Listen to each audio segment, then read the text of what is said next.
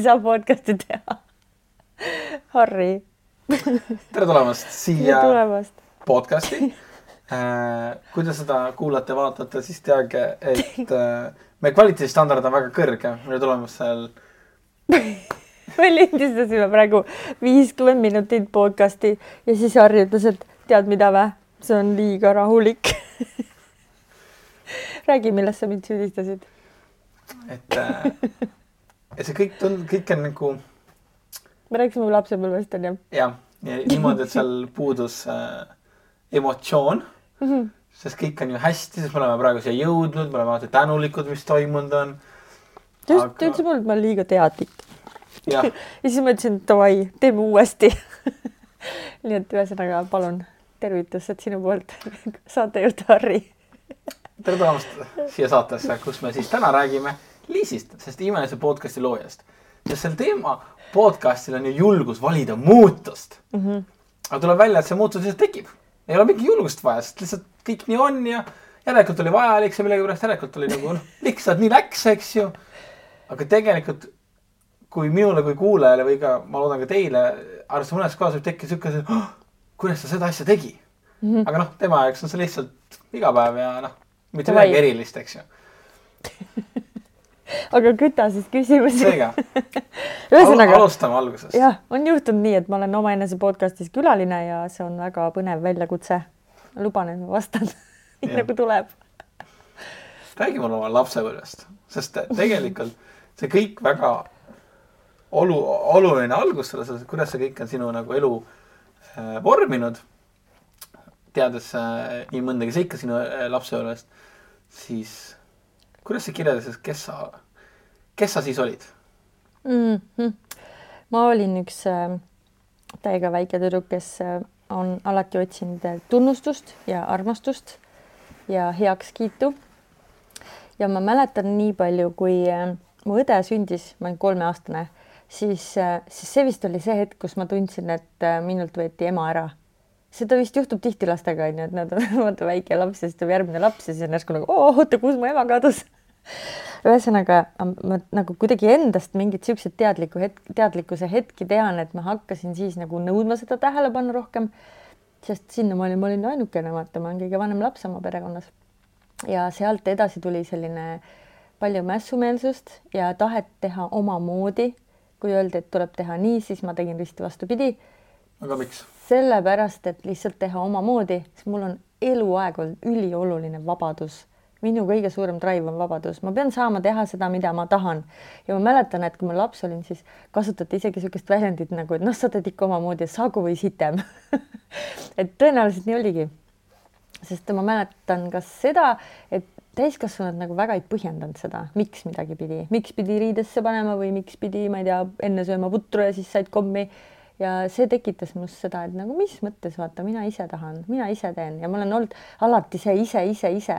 Ja ma olen sel teemal ka väga, ma tean, emaga konflikti sattunud väiksena, mul on räägitud, et noh, tõenäoliselt on see ka tavaline mingis vanuses on et sa tahad ise panna kummikud jalga ja ise riidesse, mis siis, et läheb kauem aega, aga kuidagi mul on hästi tugevalt olnud alati sees see ise tegemine. ja ma saan aru, et ka selle, selle tulemusel et sa mõnikord sattud ka pahandustesse, kus võib-olla sa ise ei olnud süüdi, aga kuna sa nii isepäine olid, siis. ja, jah, ma mäletan, et ma olen saanud karistada mingite asjade eest, mida tegid näiteks väiksemad õed-vennad, sest et minule siis pandi süüks, et ma andsin neile halba eeskuju. noh, näiteks selliseid näiteid oli, onju. siis oli meil algklassides kunagi juhtum koolis. see on mind palju mõjutanud, miks ma seda rääkida tahan on, eh, seal ma tegin seal mingi otsuse ilmselt selles olukorras. seal olid eh, mu kas vist klassiõed, keegi kirjutas ühele poisile mingi siukse nagu kiusukirja või noh, tollal ei saadetud SMS-e või, või ma ei tea, neid ei kirjutanud Messengeri või Tiktoki, vaid siis paberi peal kiri oli vist viidud kellelegi ukse taha, kus teda siis seal solvati ja ma ei tea, miks, aga selle kirja süü-, kirjutamises süü, siis süüdistati mind.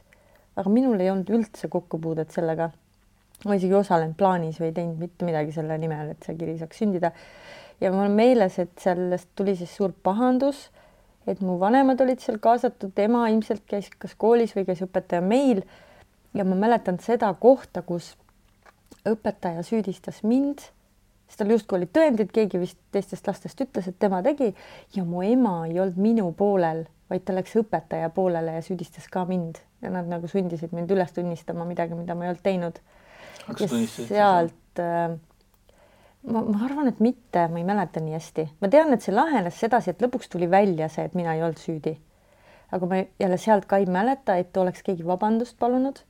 ja see vaata, kui sellised nagu asjad juhtuvad järjest, siis need kasvatavad seda trotsi nagu. et sealt tekkis mul selline noh, see kasvas üha see jonnakus teha asju omamoodi ja ma võtsin selle täiskasvanu ellu ka kaasa niimoodi, et ma olen enne, kui ma hakkasin nagu teadlikumalt oma elu vaatama siis enne seda mul oli kohti, kus ma nagu protestisin, jonnisin, ma ei tea, tööl või kuskil koolis või kodus, sest keegi lihtsalt ütles, et midagi peab olema niimoodi ja isegi kui ma võib-olla sain aru, et see võib olla mõistlik, siis noh, põhimõtteliselt pidin tegema teisiti, sest miks ma pean tegema nii, nagu keegi ütleb. Ma saan aru, et su kooli ajal tegelikult sa vahetasid koole, sa vahetasid elukohti mm. -hmm. kuidas see nagu mõjutas sinu seda mässumeelsust ja? oi, seal oli palju seda, kuidas ma ei saanud ise valida see ajas nagu mind väga-väga-väga närvi tol hetkel. me kolisime palju, sest äh, mul olid endal keerulised suhted emaga ja ma tean, mu emal olid ka keerulised suhted sugulastega. ja, ja siis tihti olid need olukorrad, kus äh, me kolisime jälle kas kellegi poole, keegi vanaemadest kutsus, et tulge elage meil. Ja siis seal midagi juhtus, mingi konflikt ja siis me jälle kolisime sealt ära. Ja tänu sellele me kolisime seal ühe maakonna sees nagu edasi-tagasi, pidin vahetama mitu korda koole. Ja isegi kui need vahemaad olid ainult mingisugune, ma ei tea, kolmkümmend, nelikümmend kilomeetrit seal onju, aga tol ajal see suhtlus äh, nende sõpradega, kes sinna maha jäid, ei olnud nii lihtne, sest meil ei olnud internetti et sa pidid ikkagi võtma jalgratta ja väntama sinna vanasse kodukohta või kirjutama paberi peal kirju või noh, see ei olnud enam see, vaata, kui sa oled oma nagu sõpradega kokku kasvanud. mäletan ühte hästi sellist valusat kolimist, kui ma vist lõpetasin üheksanda klassi kuskil sealkandis ja mõtle see, see aeg, see oli mingisugune neliteist, viisteist nagu elu käib, sa just avastanud mingid peod ja poisid ja meil seal mingi magasime telgis ja no nii äge oli, kogu aeg oli nii äge. ja siis järsku mulle öeldi, et nii, nüüd on minek, asjad kokku, kolime teise kohta ja nüüd hakkad sealt teisest kohast siis koolis käima. milline lein ja see, see oli lein ja seal oli väga suur viha. ma mäletan, me elasime kortermajas ja ma viimane õhtu istusin seal lahtise akna peal seal korteris ja mingi nutsin täiega ja siis ma seal kirusin seda olukorda ja ma lubasin, et ma kolin ükskord siia tagasi, noh muidugi ma ei kolinud onju, see on mingi väike koht, aga aga see ma emotsionaalselt see tunne, kui sind lihtsalt rebitakse juurtega välja nagu sealt, kus sul on hea. Siis kui ma mõtlen nende lapsepõlve ja selliste teismelise aastate peale, siis see koht, kus me ära kolisime, seal oli mul nagu olnud parim senises elus, mis oli sinnamaani.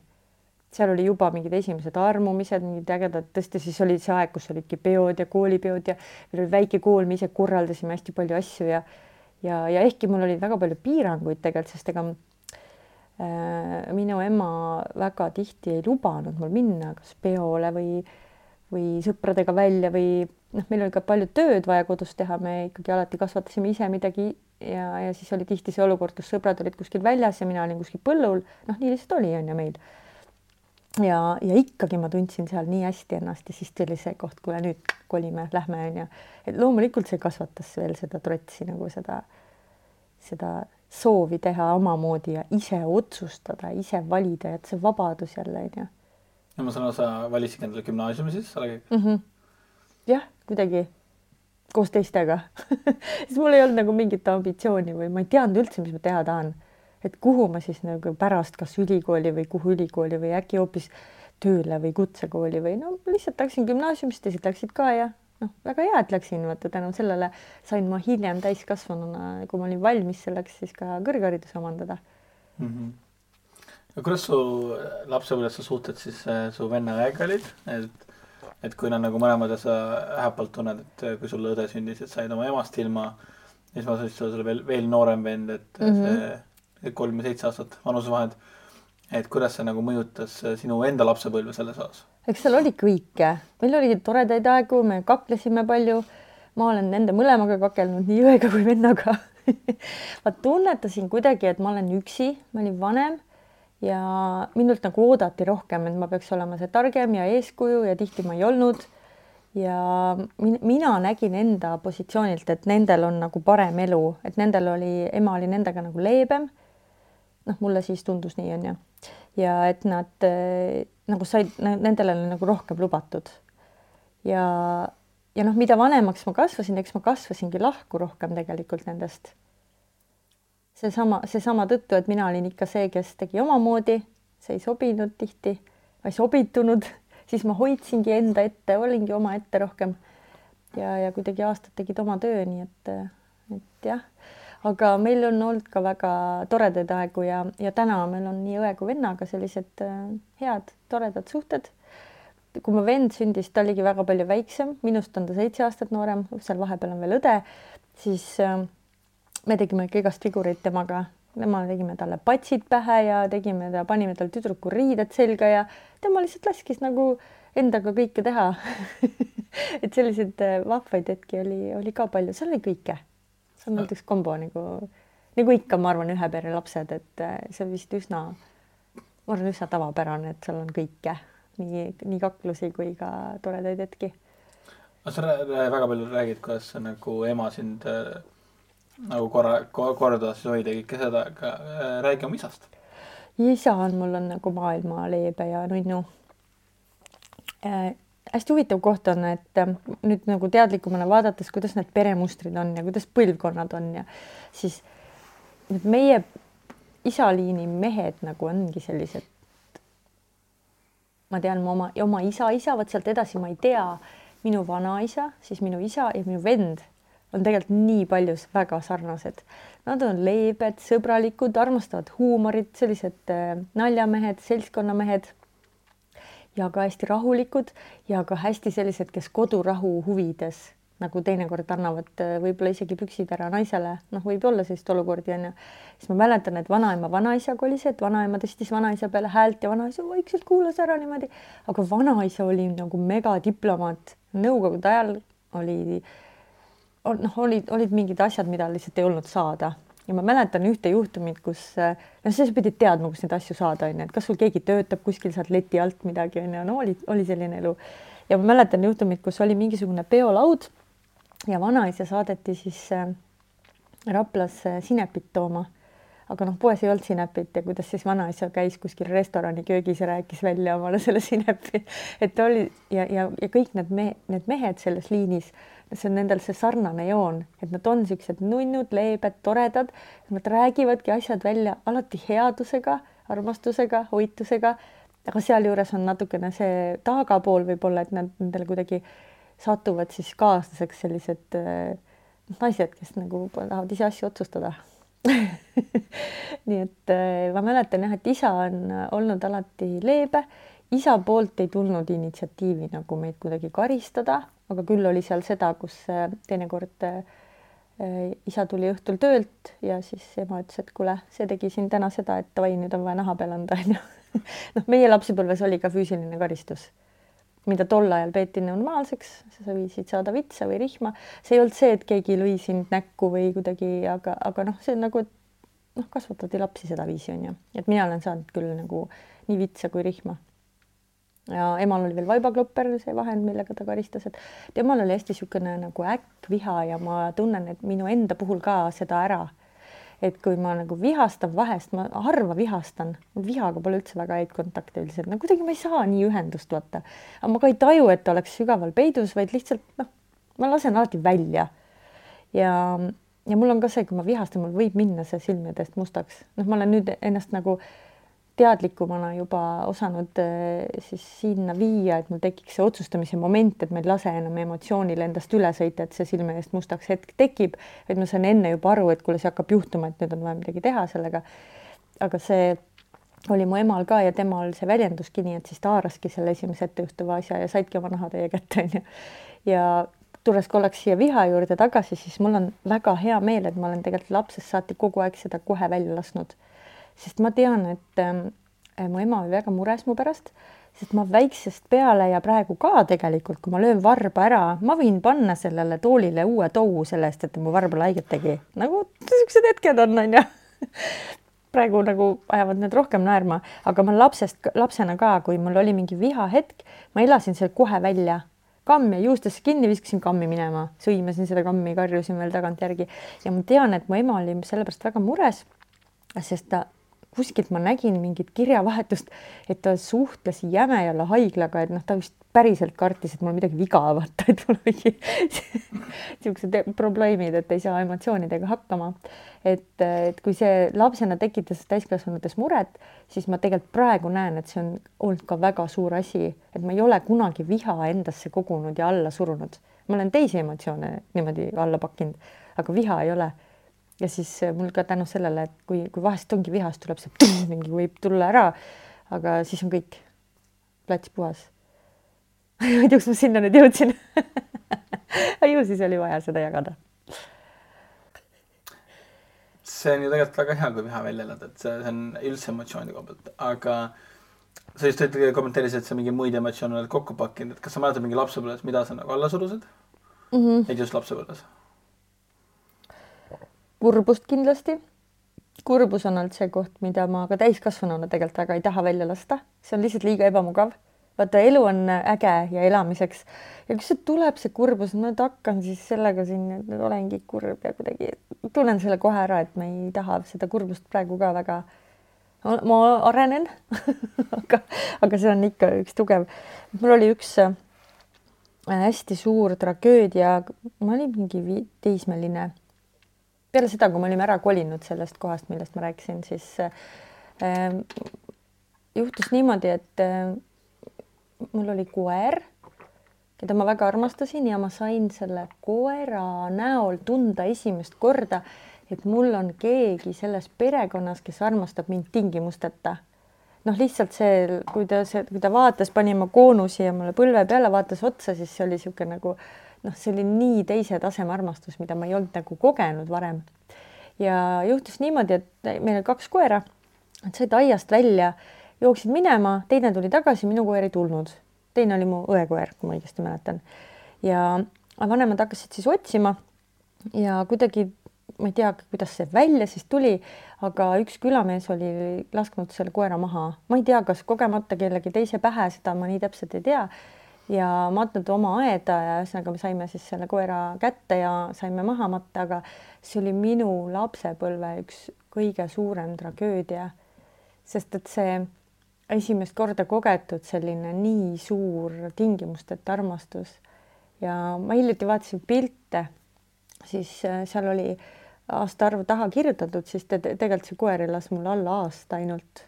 ta nii vähe, ma sain temaga koos olla, see teeb mind praegu ka emotsionaalseks ja siis äh, ma mäletan, et see oligi nagu mega suur kurbus.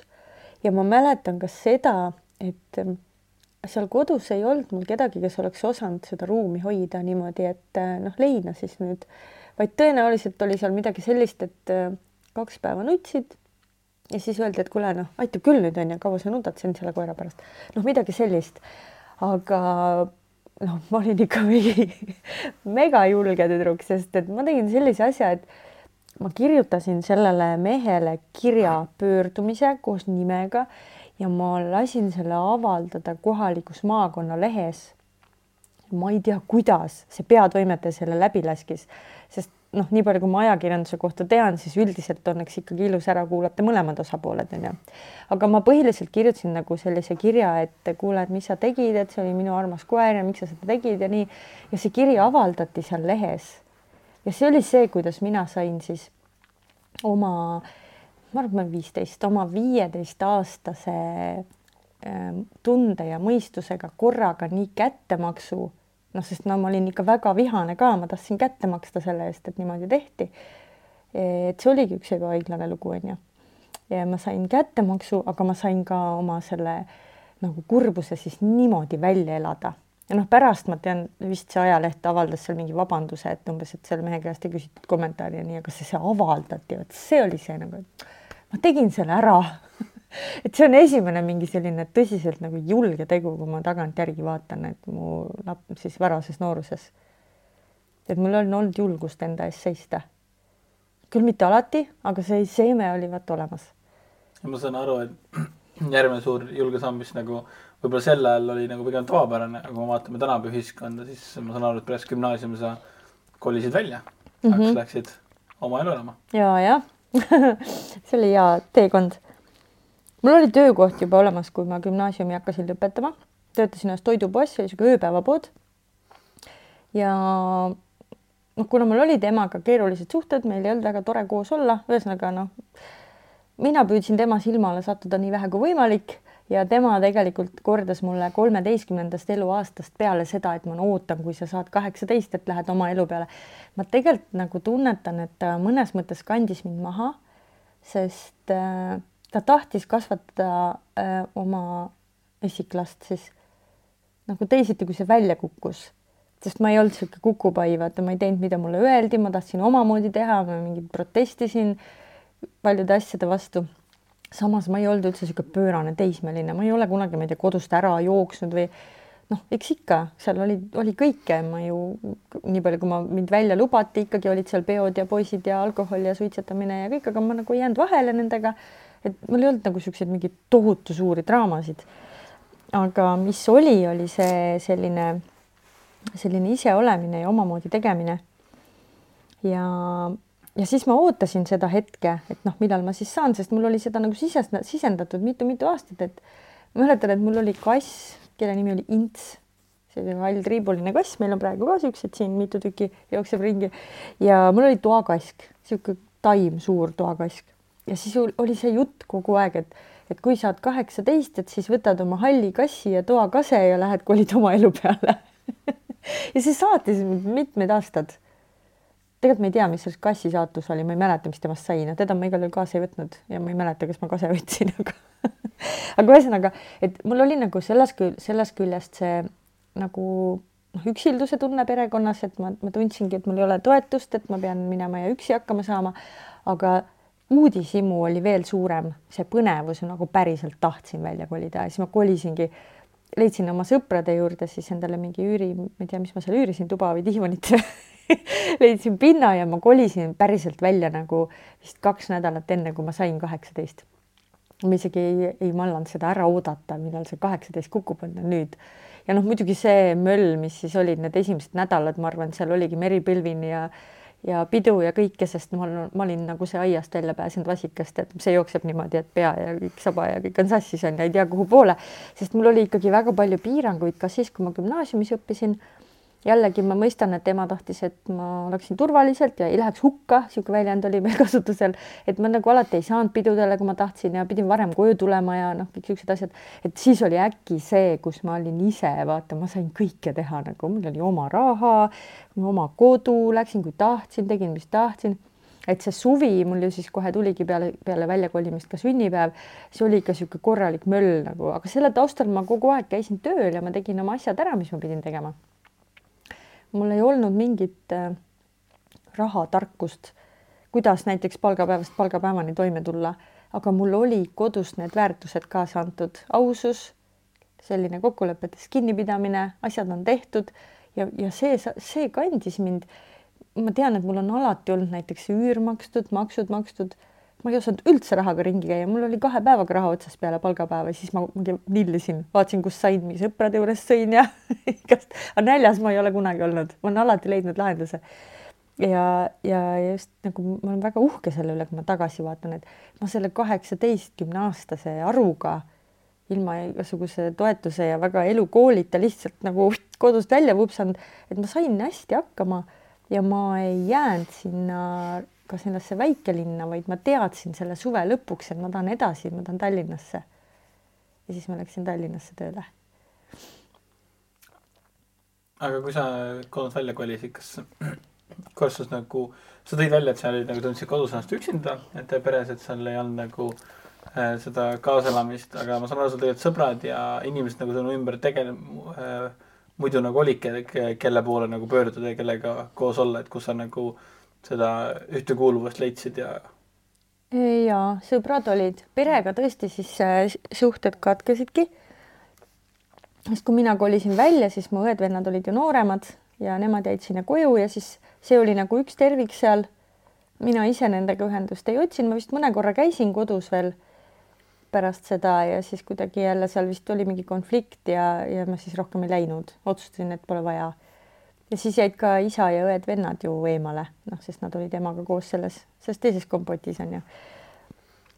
ja siis äh,, siis ma mõtlen. mis see küsimus oli et nagu sul, aga sõbra, sõpradega no suhted ja nagu inimesed sinu ümber nagu. sõbrad ja, ja noh, sellest samast poest mu need töökaaslased, osad olid siuksed toredad sõbrad, siis mul tuleb meelde, et see äh, kuna ma vaata kodus tundsin ennast nagu emotsionaalselt üksi, ma olin küll perekonnas, meil oli kõik olemas, selles mõttes kodu oli, riided olid, söök oli, kõik need asjad, aga seda lähedust ei olnud, nagu mina ei tundnud vähemalt.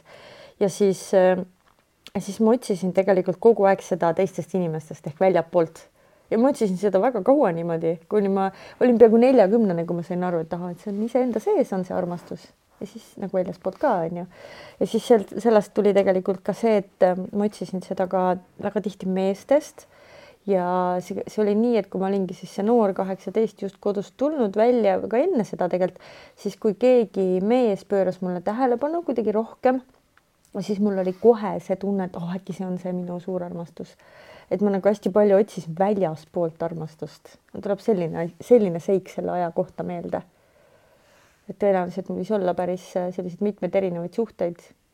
osasid, osad pealiskaudsemad, osad võib-olla natuke sügavamad, aga seal taga oli tegelikult kogu aeg see armastuse ja tunnustuse otsimine nagu väljaspoolt, et noh, kinnitust, et ma ikkagi olen väärtuslik aga samas sa kunagi ei leidnud seda, kellega nagu püsivalt suhtesse pere looma hakata nagu kaheksateistaastaselt või mm,? no enam-vähem, sest kui ma läksin Tallinna, siis ma tegelikult üsna varsti kohtusin oma tulevase elukaaslasega, oma lapse isaga, kellega me olime lõpuks üle kahekümne aasta koos. Ja see kohtumine oli ka nii nagu huvitav ja naljakas korraga, et me töötasime ühes kohas ja siis sealt see kuidagi läks, et me hakkasime siis kokku saama ja läksime koos välja ja ja seal oli, ma tagantjärgi mõtlen, seal oli väga palju sellist noh, ei olnud austust üksteise vastu, olidki siuksed üksteise pihta naljad ja välimuse pihta naljad ja kõik, aga see tundus fun, kui sa oled kaheksateist ja ja me kolisime kokku, ma mäletan, et et me arutasime, et et jah, et koos elades, et siis on soodsam üüri maksta et nagu selline foon oli, muidugi seal oli armumine ja, ja oli tore koos ja väga siukseid toredaid aegu oli ka, aga ma mäletan kuidagi see praktiline pool, et see, see argielu tuli nagu väga kiirelt sisse, et kui sa oled nagu kaheksateist, üheksateist lähed suhtesse, siis kohe hakkad koos elama ja kohe on seal ühised arved ja mingid siuksed argiasjad on ju, et siis kuidagi nagu sadas väga äkki pähe see täiskasvanu elu. vot.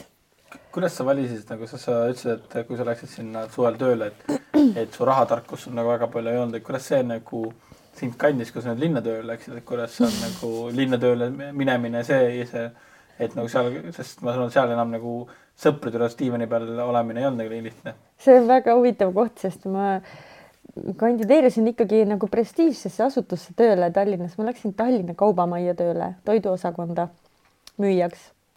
Sest ma olin enne ju olnud seal Raplas müüja, noh, juba oli see müüjakogemus onju. ja, ja ma olen alati olnud aus ja nagu kõik ära rääkinud ja ma arvan, et ma ütlesin seal intervjuul ka, et ma käingi Raplast, et ma nagu Tallinnas elu, elukohta pole, aga ma käin Raplast ja nad võtsid mind tööle. tagantjärgi mõtlen, et what the heck nagu mingi jumala noor, käid kuskilt teisest linnast, aga sellel personalijuhil oli usaldus ja ta andis mulle võimaluse. Ja ega ma siis ju rongi ja bussi peale oma raha ei raatsinud kulutada ja tegelikult tihti mul ka ei olnud seda raha, millega, mille eest rongiga sõita, näiteks ma käisin häälega Raplast Tallinnas tööl. see oli üheksakümnendate lõpp, üheksakümmend kuus, üheksakümmend seitse ja igasuguseid inimesi oli liikvel, aga ma ei mäleta, et ma oleks kunagi jäänud näiteks tööle hiljaks. ma pidin minema hommikul kaheksaks ja siis õhtul, minu arust meil olid kaheteisttunnised päevad, seal oli mingi niisugune pikk lühike nädalasüsteem, õhtul siis pärast jälle koju ja mingid päevad käisid niimoodi kolm päeva järjest.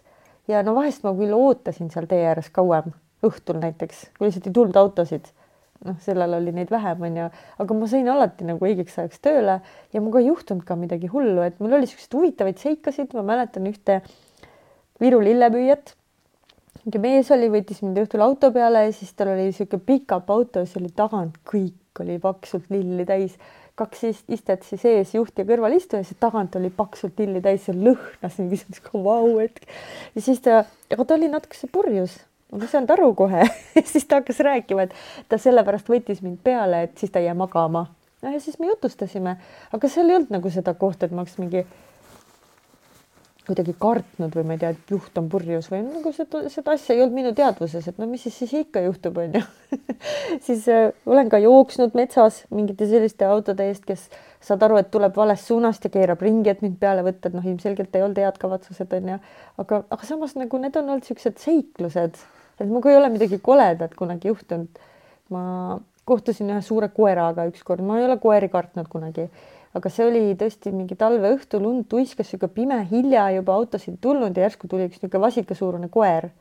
ja no ta ei olnud väga sõbralik ja mul olid viinerid kotis, nii et ma mäletan, ma viineritega rääkisin selle koera ära nagu tookord et sellised, sellised seiklused, pluss me siis veel sõbrannaga hääletasime samal ajal ka tihti linnavahet, et peol käia. noh, ja seal ka jälle oli igast huvitavaid seiklusi. mul praegu meenub üks autosõit, kus see auto tuli jälle täitsa teiselt poolt ja keeras tagasi, ütles, et oh, kuule, et me lähme käime sealt läbi ja siis ma viskan teid linna. noh, me noored ja uljad, davai, muidugi lähme ja siis äh, me läksime siis sinna, kus ta seal tahtis käia ja ma mäletan, et see, ta peatas auto kinni, midagi ta seal tegi ja siis ta tõmbas, ma esimest korda elus nägin narkotsi lähedalt, tõmbas midagi ninna nagu viuh, ja siis pärast me sõitsime temaga Tallinnasse. aga see vaata kuidagi niisugune nooruse naiivsus nagu, et me nagu üldse ei mõelnud, et see võiks kuidagi ohtlik olla või et mis see teeb temaga, vaid nagu mul lihtsalt jäi meelde see hetk nagu, et see oli niimoodi ja, ja seal noh, on ka olnud erinevate pidude käigus neid ühest kohast teise sõitmisi, kus sa teadki, et juht on jumala purjus ja kihutab ja tahab näidata ja, aga kõik on alati lõppenud hästi. ja see on tegelikult see, kui ma praegu vaatan selle aja peale tagasi, siis ma olen nii tänulik, et mind on nii hoitud, et nagu ei juhtunud midagi hullu sest mul endal nagu ei olnud ikka üldse selles mõttes nagu aru peas või mingit alalhoidlikkust, vaid kõik oli lihtsalt üks suur seiklus ja nagu väga põnev oli kaua sa niimoodi käisid häälega? paar kuud, siis mul tekkis üks austaja Tallinnas, kes, kelle kaudu ma sain ühe toakese rentida ja noh, siis ma juba pärast sain oma selle elukaaslasega nagu hakkasime koos elama. aga kas sinul nagu see julgus nagu midagi nagu valida ja teha on ka tulnud ka sellest, et nagu need lapsepõlve teisme, need kogemused on nagu sind kandnud selles osas, et on mm -hmm. andnud nagu usaldust, et ja vaata, ma arvan, usaldusest ma tollal ei teadnud tuhkagi, sellest ma saan nüüd tagantjärgi aru, aga kohe kindlasti on mul olnud julgus valida sellepärast, et üks sigavinge asi, mis ma olen oma lapsepõlvest ja nooruse sellest üleskasvamisest kaasa võtnud, on, see on raudpolt kindel teadmine, et ma saan alati hakkama see on vaata tegelikult nii oluline alustala, et julgeda teha, sest ma tegelikult tean, mul võib täiega saba väriseda ja mingi otsus võib nagu nii rets tunduda, et sa ei tee ja mingi venitad kummi kolm aastat. aga ma lõpuks ikkagi teen selle ära, sest tunne on nii tugev, et on vaja teha ja seal taga on tegelikult on see teadmine, et ma ei sure ära, ma saan hakkama ja kui ma ükskord ära suren, siis on järelikult see aeg. aga seni ma saan hakkama ja no nüüd ma olen lisanud sinna veel juurde selle, et ma saan alati hästi hakkama mitte lihtsalt hakkama. et ja ma olen olnud julge, aga ma ei ole seda alati märganud ja ma ei ole iseendal seda nagu tunnistanud. ma olen tundnud sealjuures ennast nagu viimane argpüks, aga ma tegelikult olen olnud alati julge et kui sa nüüd äh, ütledki, et nagu, et, et sa võib-olla sel hetkel ei taibanud seda julgust, ma saan aru, et, äh, et kokku kolisid sa praktilistel põhjustel aga.... armastus oli ka, ei saa nii öelda, et ainult praktiliselt seal oli ikkagi armumine ja armastus ja toredaid hetki ka palju. aga ma saan aru, et ka mingil hetkel te kolisite linnast tegelikult välja mm. -hmm. ja mingil hetkel sa läksid kooli. jaa. mis järjekorras nad kõik tulid lahe. jah, mul ei olnud vaata gümnaasiumis seda teadmist, et äh, kus ma minna tahan või mis ma teha tahan. ma käisin lavakakatsetel, sest ma teadsin, et ma tahan näitlejaks saada. ma arvan, et seal taga võib-olla oli rohkem see, et ma tahan kuulsaks saada no ühesõnaga, sinna mind ei võetud ja siis ma läksingi tööle, sest mul rohkem ideid ei olnud ja kui ma siis töötasingi seal kaubamajas mm, ja sealt edasi liikusin, oh, see oli ka tore periood, ma töötasin ühes raamatupoes, mille omanikeks oli abielupaar, kes mõnes mõttes nagu lapsendas mind ära. vaata, loodus tühja kohta ei salli, onju. ette rutades võin öelda, et, et kuna mul enda emaga suhted ka katkesid, tegelikult ongi katkenud, siis hiljem lapsendas nii-öelda mind ära siis selle minu lapse isa ema ehk mu ämm sest et seal oli tühi koht, mul nagu oma ema ei olnud orbiidil onju. aga tollel hetkel siis, kui ma läksin raamatupoodi tööle, see oli niisugune pisike raamatu ja fotopood, siis mind lapsendasid ära need omanikud ja nad hästi hoidsid mind jälle tuleb see rahatarkus, ma ei osanud üldse rahaga majandada, küll ma võtsin avanssi seal mingi üle päeva ja nad olid alati vastutulelikud ja nõus ja igatpidi toetasid. ja seal ma nagu kasvasin hästi palju ja seal töötades ma sain aru, et äh, midagi on veel vaja, et ma ei jää elu lõpuni lihtsalt müüjaks. ja siis ma tundsin, et ma tahan minna kooli. ega see käis, mul käivad otsused niimoodi, see käis ka niimoodi, et ma läksin, äh, valisin kooli välja, tegin avalduse ära siis teatasin elukaaslasele, et äh, ma olen kooli tema selles mõttes talle au andes on alati olnud hästi toetav, et ta kunagi teinud mulle takistusi, et, et kas on vaja või ära mine või, või ta lihtsalt ütles okei okay,, siis mine. Ja siis eh, ma läksin õppima hotelliteenindajaks, tundus päris niisugune glamuurne värk. Tallinna teeninduskooli, siis ta oli Majaka teeninduskool. see oli väga vahva aeg, sest ma sain väga palju ähm, ägedaid sõpru endale sealt pikkadeks aastateks. osadest, osade nendega suhtlen siiamaani ja hotelliteenindajana ma kunagi tööle läinud. aga see kool andis mulle väga palju. see kool tänu ühele õpetajale, kes ma psühholoogiaõpetaja Aili Maar, kui sa päriselt peaks seda podcast'i kuulma, siis ma, ma olen nii palju mõelnud, et ma tegelikult tahaks sind või teda siis üles otsida ja tegelikult talle öelda seda, kui palju ta mõjutas mind ta õpetas meil psühholoogiat, see vist oli mingi teeninduspsühholoogia või midagi. Ja ma ei tea, mida ta tegi või ütles, aga ma sain sealt tema mingitest peegeldustest aru, et mulle meeldib müük ja turundus ja kõik, et see on see asi, mida mina tahan teha ja psühholoogia ka. ja see on tegelikult mõjutanud tervet mu edasist elu ja sellist äh, karjäärivalikut või noh, üldse töökohtade valikut ja nii edasi ja nii edasi et ja teiseks, mida see kool andis, et see oli hästi niisugune, me pidutsesime mega palju, kes oli nagu nii tore alati, see on need, need igast koolilood on ju, et et äh, seal ikka tehti nagu legende. Et ma olen väga õnnelik, et ma sinna läksin. Ja kui ma selle kooli lõpetasin, meil oli seal ka, õppisime ka siis ettekandjaks, siis meil oli catering'i firmas praktika ja jällegi selline koht, kus olid hästi toredad omanikud ja siuksed tekkisid siuksed nagu head soojad suhted ja ma see catering'i tööd tegin veel pärast kooli ka päris pikalt, et see oli ka vahva aeg, sest see on töö, millega sa pääsed tegelikult kohtadesse, kuhu tavainimene ei pääse a la Riigikogu hoonesse, mingitesse saatkondadesse, noh, see oli jälle hästi niisugune kihvt ja põnev aeg. ja, ja jällegi sealt tuli sellist, sellist nagu oskust jällegi äh, vaadata seda elu niimoodi, et ahah, et tegelikult nagu müük ja turundus ja see mind huvitab, aga miks mitte, ma võin vahepeal ka ettekandja olla, et ma võin kõiki asju proovida, mis ma tahan. ja, ja sealt edasi korraks siis kiirelt edasi kerides, siis ega tegelikult äh, nagu kõrghariduseni ma jõudsin alles äh, ma ei tea, kolmkümmend pluss, ma ei mäleta, kas ma olin mingi kolmkümmend kaks või kolm, kui ma läksin alles ülikooli. sest mul ei olnud enne seda kohta, ma ei teadnud, mis ma tahan ja siis tuli äratundmine, et oh, nüüd et ma õppisin ettevõtlust ja turundust. see mind väga huvitas ja mulle väga meeldis õppida, et kõik need täiskasvanuna läbitud koolid versus kuidas ma õppisin gümnaasiumis, kus ma pidin õppima, sest noh, kõik käisid gümnaasiumis, ema ütles, et pead käima, davai, teeme ära, onju. noh, vedasin seal läbi oma kolmedega, aga mind tegelikult ei huvitanud. siis, kui ma läksin esimest korda sinna teeninduskooli ja hiljem ka ülikooli, siis ma sain aru, et seal on nii suur vahe, noh, esiteks täiskasvanuna õppimine ongi teistmoodi ja teiseks, see on nii suur vahe, kas õpid seda, mida peab või seda, mida tahad. ja sealt võib-olla tuli esimest korda mängu minu elus selline, selline väljend või mõiste nagu, et kas ma pean või ma tahan. ja täna ma näen seda, et äh, ma tahan, tahan elada nii, et mu päevi täidavad tahan tegevused. ma saan aru, et enne kui sa kooli jõudsid, sa tegelikult läksidki, kolisid ära põhimõtteliselt kohta, kus teil eluruumid ei olnud veel valmiski mm. -hmm. kuidas see nagu otsus tuli, et, et minna nagu linnast ära ja sellise koha peale me elasime pikalt Keila-Joal, seal on ka üks mu väga armas kant, noh, ma praegu elame Laulasmaal on ju, siis see, see kant siin on mulle väga-väga armas. et ähm, ja see sündis nii, et me elasime Tallinnas üürikorteris, siis oma tollase elukaaslasega last meil ei olnud veel ja sealtsamast äh, teeninduskoolist ühe, üks minu sõbranna koos mehega eh, kolisid Keila-Joale kõigepealt ja siis nad ostsid endale korteri ja nemad rääkisid, et siin on üks maja, et üks proua siin on terve maja, kortermaja siis nagu ära ostnud ja korda teinud ja nüüd ta müüb siin kortereid. ja äh, meil vist oli tollal juba auto olemas, jah oli, aga ikkagi vaata, me ei liikunud nii palju ringi. Vahemaad olid hoopis teised, mis on praegu.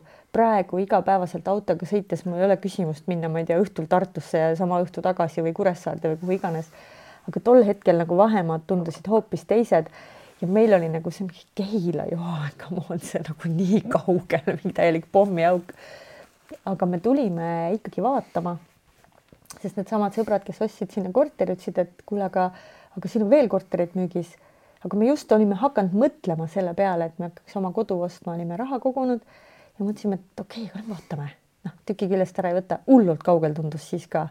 Aga niipea, kui me tegelikult nägime, ega see otsus sündis üsna kohe meil mõlemal, sest see, vaata see tunne äratundmine, vot see ongi see, see oli nagu ülitugev. ja tegelikult see aeg, mis me selles majas elasime, noh, see oli erakordselt äge, sest meil oli nagu oma Melrose Place seal, ma ei tea, kas sina tead, on ju, vanemad inimesed teavad niisugust seriaali see siis rääkis sellest, kuidas ühes kortermajas sõbrad elavad ja kuidas nad seal omavahel suhtlevad.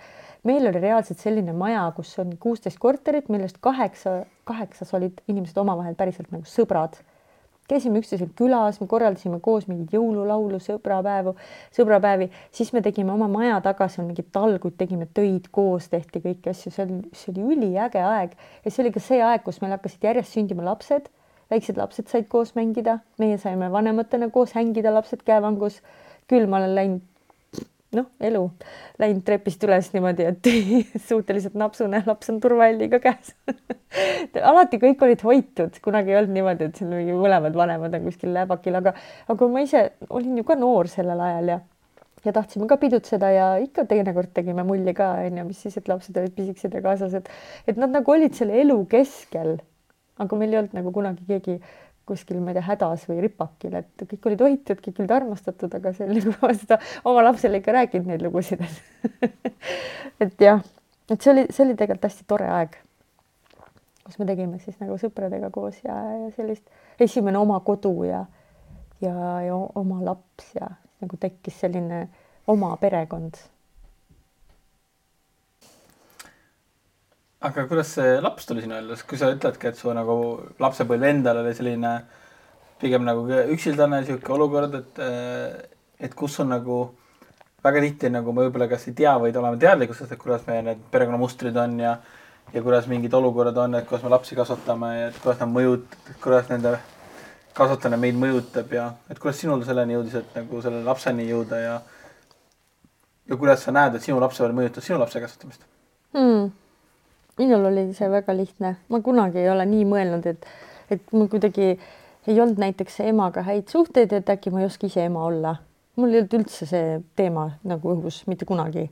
mina teadsin, et ma ei taha väga noorelt last saada, sest ma, ega ma siiamaani tunnen, et ma olen nagu ise laps, vaata, või nagu kuidagi nii, ma olin nagu noor, vaata, siis ma tahtsin, et noh, hiljem.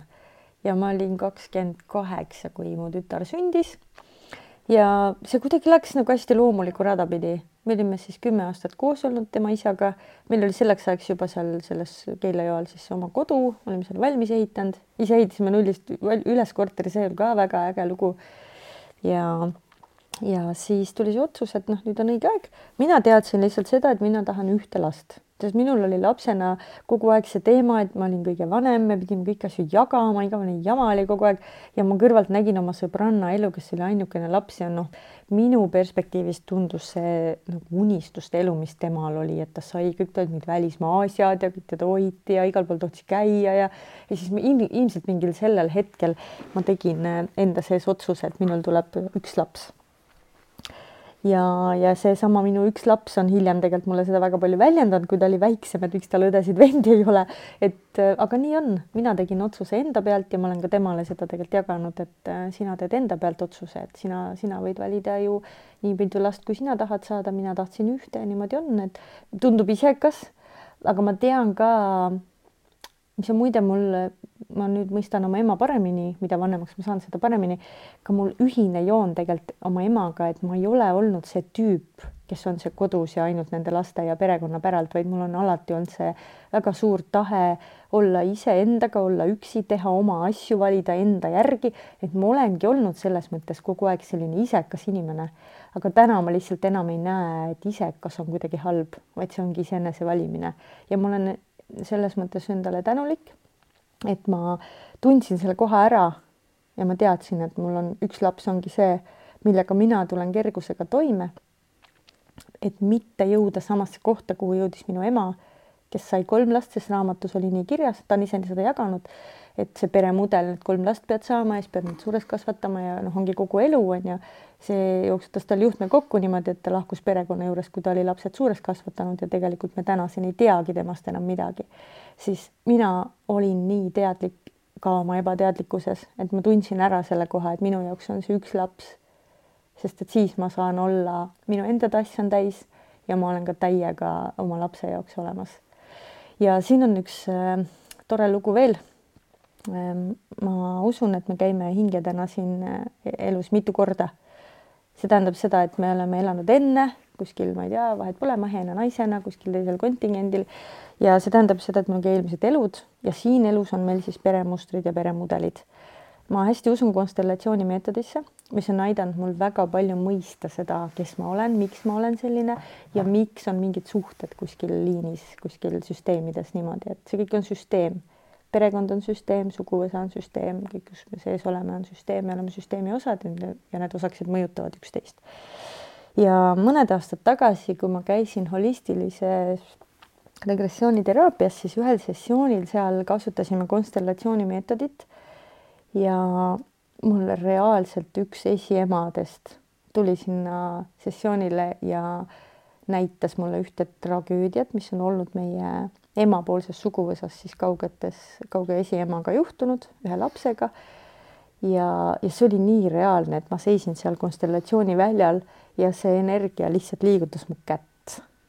see liigu-, ta tõmbas mind käest, et kas sa näed, et ma olen siin ja ta rääkis, näitas mulle seda lugu ja ma ei tahtnud seda lugu kaua aega jagada, mulle tundus, et see on nii intiimne, et see on meie perekonna lugu ja tol hetkel ka terapeudil pastakas lakkas töötamast ja diktofoni aku sai noh, noh päriselt nagu filmis, ta ei saanud seda jäädvustada. ja mul oli tunne, et see lugu on ainult mulle teadmiseks. aga nüüd ma olen jõudnud kohta, kus seda jagada, sest ma näen, miks see nii on. see lugu, see kau-, kauaaegne tragöödia, mida mulle seal väljal tookord näidati vallandas sellise ahela, kus äh, minu ema siis suguvõsas naisliinis, emad ei osanud väljendada oma lastele armastust. see oli nagu selline koht, et need naised ütlesid, et noh, lapsed lihtsalt on. aga et ma armastan sind või lähedus või lihtsalt ei osatud. see ei tähenda, et nad ei armastanud oma lapsi, minu ema kahtlemata armastab nii mind kui oma teisi lapsi väga.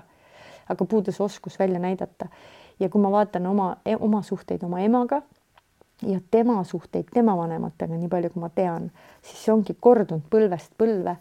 Ja mina olen tulnud missiooniga see muster ära muuta, sest täiesti teadmata, mida ma teen, kui minu laps sündis, siis mina teadsin, milline ema ma tahan olla mina teadsin, et ma tahan iga päev talle öelda, et ma armastan teda. ma siiamaani elan oma kuueteistaastaselt seljast sellega, et ma ütlen talle, et ma nii armastan sind. tema on harjunud sellega, ta ei lükka, ta ei lükka seda ära või et ah ära hakka või, vaid ta ütleb, ma armastan sind ka. tal on täielikult olemas võime see vastu võtta ja see tähendab seda, et ma olen murdnud selle mustri. ma olen oma lapsele teistsugune ema ja minu lapsel on nii palju rohkem võimalusi valida oma kogemuse pealt, milline ema tema oma lastele tahab olla. ja see on üks, üks mega suur missioon, mis on, miks ma olen siia ilma tulnud. aga nüüd, kus on oma laps ja pere, kas, kas see on ka siin nagu, kas on, ma saan aru, et praeguseks sa tegelikult oled oma perekonnaga uuesti koos? sünniperekonnaga. sünniperekonnaga, et sa suhtled nendega, et kuidas see nagu tagasi tuli siis? sest ma saan aru mm -hmm., et päris mitmed aastad sa olid nagu äh, ennast ära lõiganud sealt mm. -hmm ja see, see oli täitsa kahepoolne, mina tunnen tõesti, nagu sa ütled, et ma lõikasin ennast ära, sest ma peale, kui ma seda, kui ma kodust välja kolisin, ma käisin veel mõned korrad kodus, ma mäletan, vanaisa suri pärast seda varsti. ma käisin vanaisa matustel ja seal oli mingi konflikt mul emaga ja siis ma vist otsustasin, et ma rohkem ei lähe sinna. ja, ja siis see suhtlus täitsa katkeski ma mäletan, et ma oma õega aeg-ajalt kuskil kirjutasin, vist selline asi nagu MSN oli tol ajal juba olemas, aga ma ei teadnud midagi isast, vennast, emast, kuidas neil üldse läheb ja nii.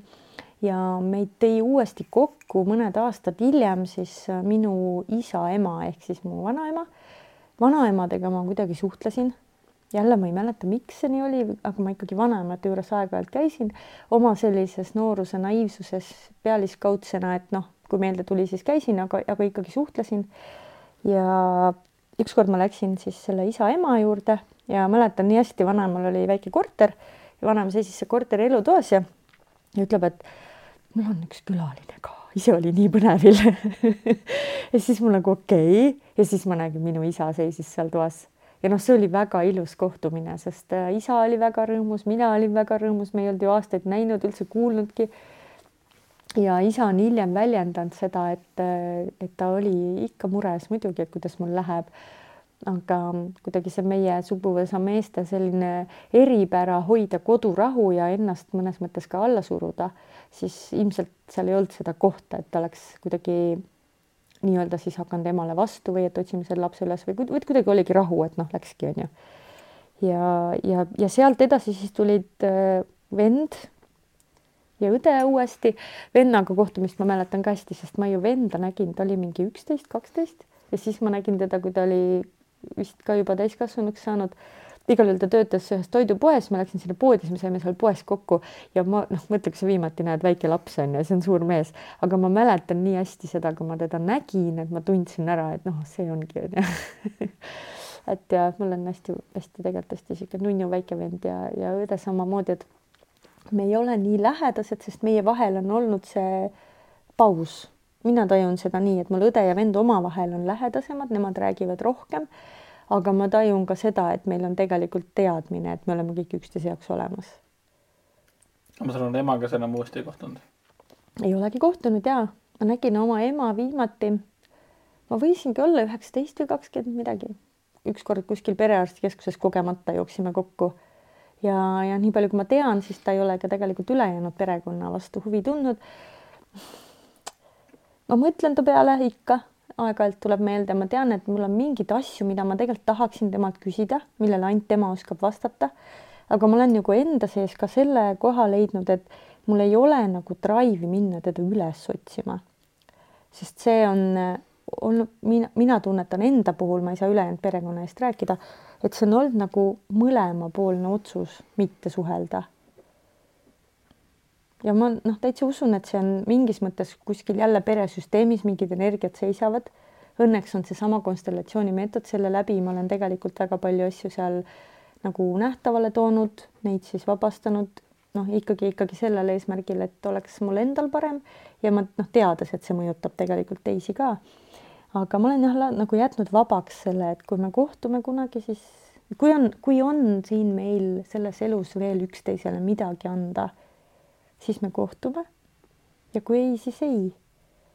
et, et see on nagu praegu niisugune neutraalne koht ja kui ma vahest jagan seda lugu, siis äh, on inimesi, kes teevad väga suured silmad, et kuidas niisugune asi saab olla, et noh, ema nagu ei tunne laste vastu huvi on ju. Aga see on olnud minu reaalsus, minul ei ole olnud teistsugust ema, minul on selline ema kogemus. ja hiljem siis tuli selle nii-öelda igapäevase ema koha peale minu siis äh, lapse isa ema ehk siis mu tollane ämm, kellel oli endal kaks poega, kes suurima heameelega lapsendas, nii-öelda lapsendas ära mõlemad oma minijad onju. ja kuigi ma tänaseks enam ei ole oma lapse isaga koos mitu aastat, siis äh, ka need suhted ikkagi on alles tema emaga näiteks või ka tema venna perega. me küll suhtleme harvem, aga me oleme olnud teineteise eludes nii palju aastaid et ma näen, et seal pole mingit põhjust, miks seda peaks kuidagi ära lõikama või katkestama, vaid ma lihtsalt saan olla väga-väga tänulik, et need inimesed on olnud mu elus. ja, ja ma, ja kui ma mõtlen ema peale, siis ma ju ei tea, mis tal praegu toimub, kuidas ta ennast tunneb. Ta võibki olla väga üksildane, väga üksi, aga, aga üksildus võib olla ka tegelikult, noh, mina naudin ka väga üksi olemist, on ju, et noh, ma ei tea ma ei tea, kas seal on draama või, või mis koht seal on, et see lihtsalt on. ja tegelikult praegu meenus, et ma sain ema käest ühe kirja ka lühiajaliselt peale seda, kui me viimati kohtusime. Ja ta seal kirjas väljendas väga ilusti, et tal on hea meel. ma vist, ma ei mäleta, kas ma kirjutasin talle või kuidas ta teadis, aga ma olin jaganud talle kuidagi seda lugu, et ma seal hääletasin tööle ja kõik. Ja seal kirjas ta väljendas, et tal on nii hea meel, et minuga midagi hullu ei juhtunud. Ja et tal on kõige üle hea meel, mis on ja ma hakkan praegu mõtlema, et täitsa võimalik, et meil oli veel mingi kirjavahetus hiljem ka. sest me käisime oma selle lapse isaga ühes telesaates kunagi ja siis ta vist kirjutas mulle midagi ja, ja kuidagi kritiseeris seda mu lapse isa või kuidagi midagi ütles ta kohta igal juhul, noh, ma mäletan, et siis ma nagu mõtlesin, et mul ei ole mõtet rohkem nagu vastu kirjutada. praegu tuleb meelde, kui ma jagan seda, ma pole üldse mõelnud selle peale. aga millest ma saan aru üha rohkem, mida vanemaks ma saan, ma olen täiega oma ema moodi. ja ka konstellatsiooni tegelikult põhitõdedest lähtudes, siis ma olengi pool emast ja pool isast. ja mul ei ole ühtegi negatiivset tunnet sellega seoses, et ma olen oma ema moodi, vaid ma täiega näen selle, seda tänulikkusega, sest tegelikult see, mida mu ema tegi, et ta valis ennast sellisel kujul et ta lõikas ennast perekonnast lahti ja läks siis, kui ta oli lapsed suureks kasvatanud, teinud ära selle kohustusliku osa nii-öelda, siis valis ja hakkas elama enda elu. see on väga suur julgustükk. ja, ja tegelikult ma nagu, kui ma mõtlen selle peale, siis ma tunnen, mul tuleb emotsioon üles, et ma olen täiega uhke selle üle. et mul on nagu sellised nagu, ma ei tea, geenid või mis nad siis on, on ju. et äh, jaa, jaa. oh, see on vägev ma praegu lihtsalt kuidagi sain ühendust selle iseenda väe ja vägevusega veel ekstra nagu, tõesti, see tegi mind emotsionaalseks. aga see on üliilus huh,. äge aga kus saates sa siis käisid, et kus sa nagu, noh väga tihti ka selliste telekasse minemises on see, et kus inimesed julgevad nagu, et ühelt poolt on nagu, ma saan enamasti inimestel on võimalus raha teenida sellega aga tegelikult teiselt poolt on ka see, et nagu ennast panna kõigi maa, terve nagu Eesti riigi ette mõtle seal, kuidas see juhtus? see oli väga tore, me tegime seda ühe sõbraga koos, meil oli täitsa kohe plaan. ja ei, seal ei olnud seda kohta, et ei julge minna. ma olen alati olnud natukese edev ka. mul meeldib tegelikult olla nähtaval, mulle meeldib olla laval, mulle meeldib rääkida ja see saade oli sel-, ma ei tea, kas sina tead seda saadet Nõrgim lüli The Weakest Link on originaal, see mingi BBC originaal ja see kontseptsioon oli selline, et see saatejuht on hästi kuri ja ta ütleb sitasti oma saatekülalistele onju. ja, ja siis põhimõte oli see, et sa vahet seal vastad küsimustele ja kes noh, mingi nõrgim siis hääletatakse välja meeskonna poolt. ja Tuuli Roosma oli saatejuht tookord ja me läksimegi koos oma sõpradega sinna ja meil oligi strateegia, kuidas me teeme, et noh, meie jääme viimaseks ja siis meist üks võidab. aga ma ei mäleta, kas me võitsime, seda ma ei mäleta aga sealt kuidagi jah, siis ema vist nägi ja, ja siis ta midagi, midagi seal kirjutas, et see niisugune tavaline Eesti mees või kuidagi, kuidagi, kuidas see nii tavalisem midagi sellist oli seal ja siis mul tuli see praegu meelde, kui ma jagasin. et paraku neid kirju mul alles ei ole, et võib-olla täna saaks hoopis lugeda teise pilguga. ja. no sa tõid välja, et see, et sinu see enesevalimine või olla iseseisev või ikka see, et nagu see on mõnes mõttes sealt tulnud, aga ma saan ka aru, et ka mingil hetkel sinul jõudis sinna kohta, kus sa nagu valisid iseennast mm -hmm. suhteteema, et kuidas mm -hmm. sul see julgus? oi jee. või, või kuidas üldse jõudsid sinna kohta, et sul üldse seda valikut vaja teha oli ma olen olnud äh, oma loomult alati hästi lojaalne noh, meil nii palju asju on, mis meid äh, ju mõjutavad, on ju, et äh, mida iganes sa tahad uskuda, kust neid seoseid leida, kust ma olen leidnud, küll on need tähtkujud, siis human design on tegelikult hästi toetanud, sealt tuleb ka välja see, mu loomuses on olla lojaalne, ehk siis kui ma valin kedagi või midagi, siis ma pühendun ja ma ei lase naljalt minna, minu CV-s ei ole kakskümmend töökohta väga paljud vaata liiguvad nii, et nad on kaks aastat siin, kaks aastat seal ja noh, arenevad niimoodi edasi, siis mina olen see, kes töötas kaheksateist aastat ühes kohas. ma tegin küll erinevaid, nagu tõusin seal karjääriredelile, tegin erinevaid ülesandeid, aga ma nagu naljalt ei vahetanud niimoodi töökohta ja sama oli suhtega ka. me ei olnud abielus, aga ma olin kuidagi vaata ära valinud ja meie suhtelugu, nii palju kui ma meie nurg, minu enda vaatest saan seda jagada, sest siin on teine osapool ka siis see, see suhte elukaar oli kuidagi sedasi, et me hakkasime otsust, otsust, otsast pihta, oli äratundmine, armumine, lõbus, äge, kodu loomine, see võttis kümme aastat ja siis sündis laps. ja ma saan aru, et sealt tulid esimesed väga suured erimeelsused, sest me ei olnud kunagi arutanud, kuidas me kasvatame seda last. Ja kui laps oli sündinud, siis me saime aru, et meil on täiesti kaks erinevat suunda. ühelt poolt käsud-keelud ilma selgitusteta.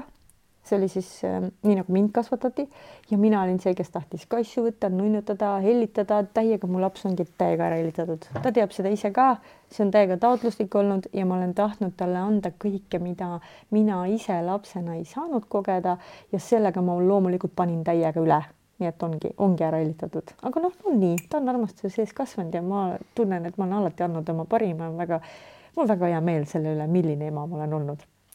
Ja sealt kuidagi lapse kasvatamise erimeelsusest hakkasid tegelikult tulema ka muud erimeelsused.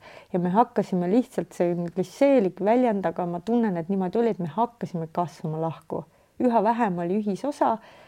mina ei teadnud tuhkagi tollel ajal sellest, kuidas valida iseennast või mispidi süst-, peresüsteemis tuleks äh, valikuid teha. täna ma olen täiega poolt sellele Nekrassovi teooria kes on siis kirjutanud mitmeid ka selliseid raamatuid sel teemal, Mees ja naine näiteks, kuidas siis äh, nagu suhtes säilitada kõiki, kõike olulist, kõiki olulisi komponente, et kõigepealt, kes on kõige tähtsam perekonnas, mina ise, siis tuleb äh, mees, siis suhe, siis laps, sest lapsed on meie elus ajutised, on ju, et nad on äh, tegelikult ju noh, ongi kaheksateist aastat ja siis nad lähevad oma elu peale.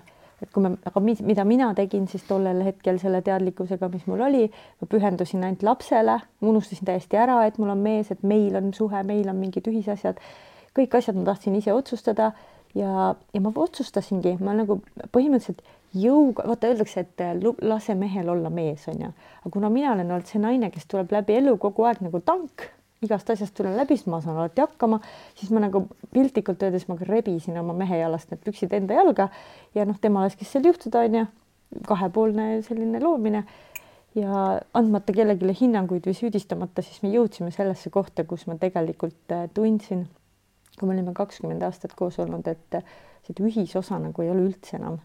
Kui palju sellest nagu oli ühelt poolt sinu see, et sa saad alati hakkama saada, sa oled ise tahtnud otsustada ja nagu palju oli sellest, et nagu sa ütlesid, su, su sarnase ilma su emaga?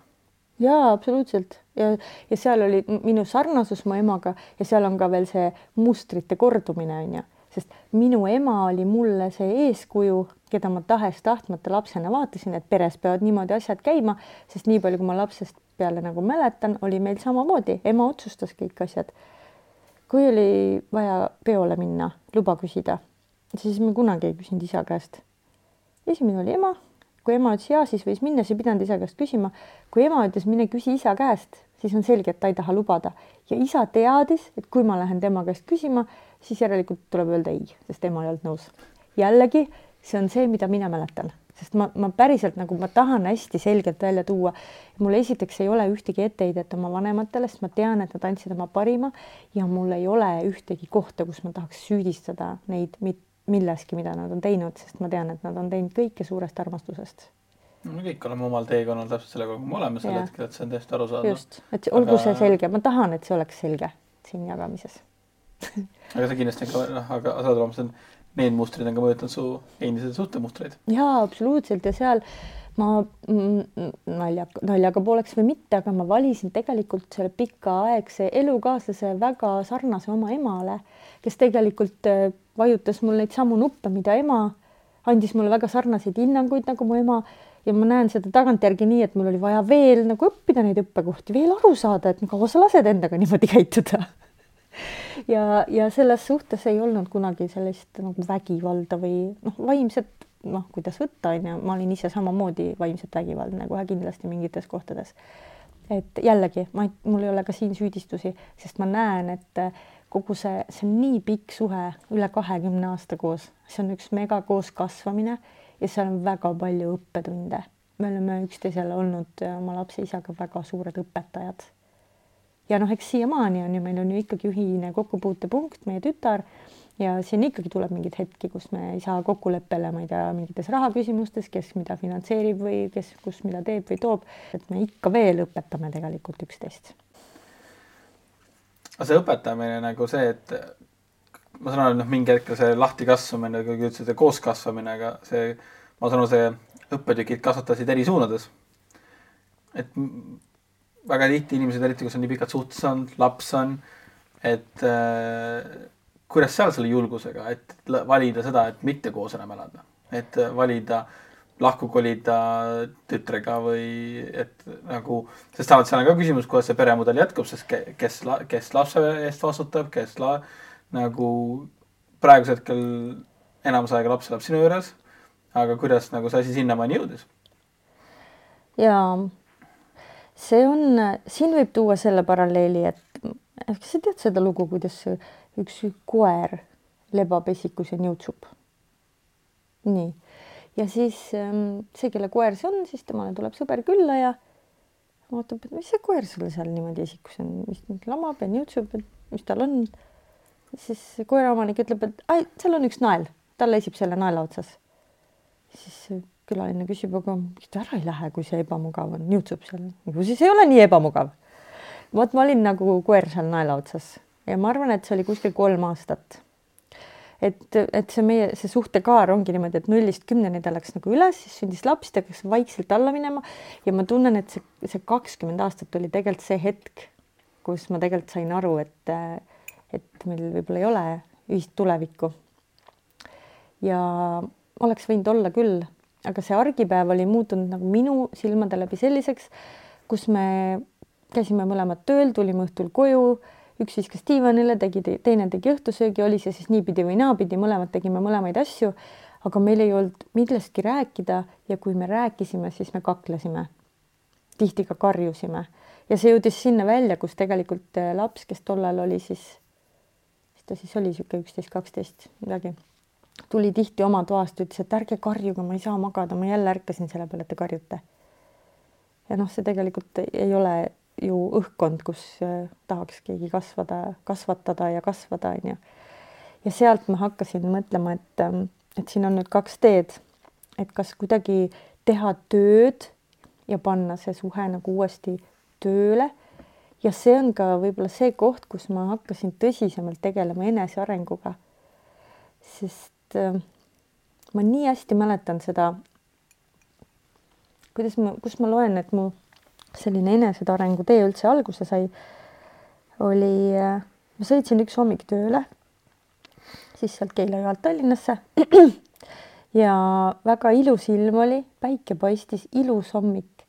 Ja ma istun seal autos, mul on noh, kõik olemas, pere, ilus kodu, hea auto, hea töökoht, hea palk, sõbrad ja ma istun seal autos ja mõtlen, et elu on nii mõttetu, jumal hall, rõõmu ei ole üldse.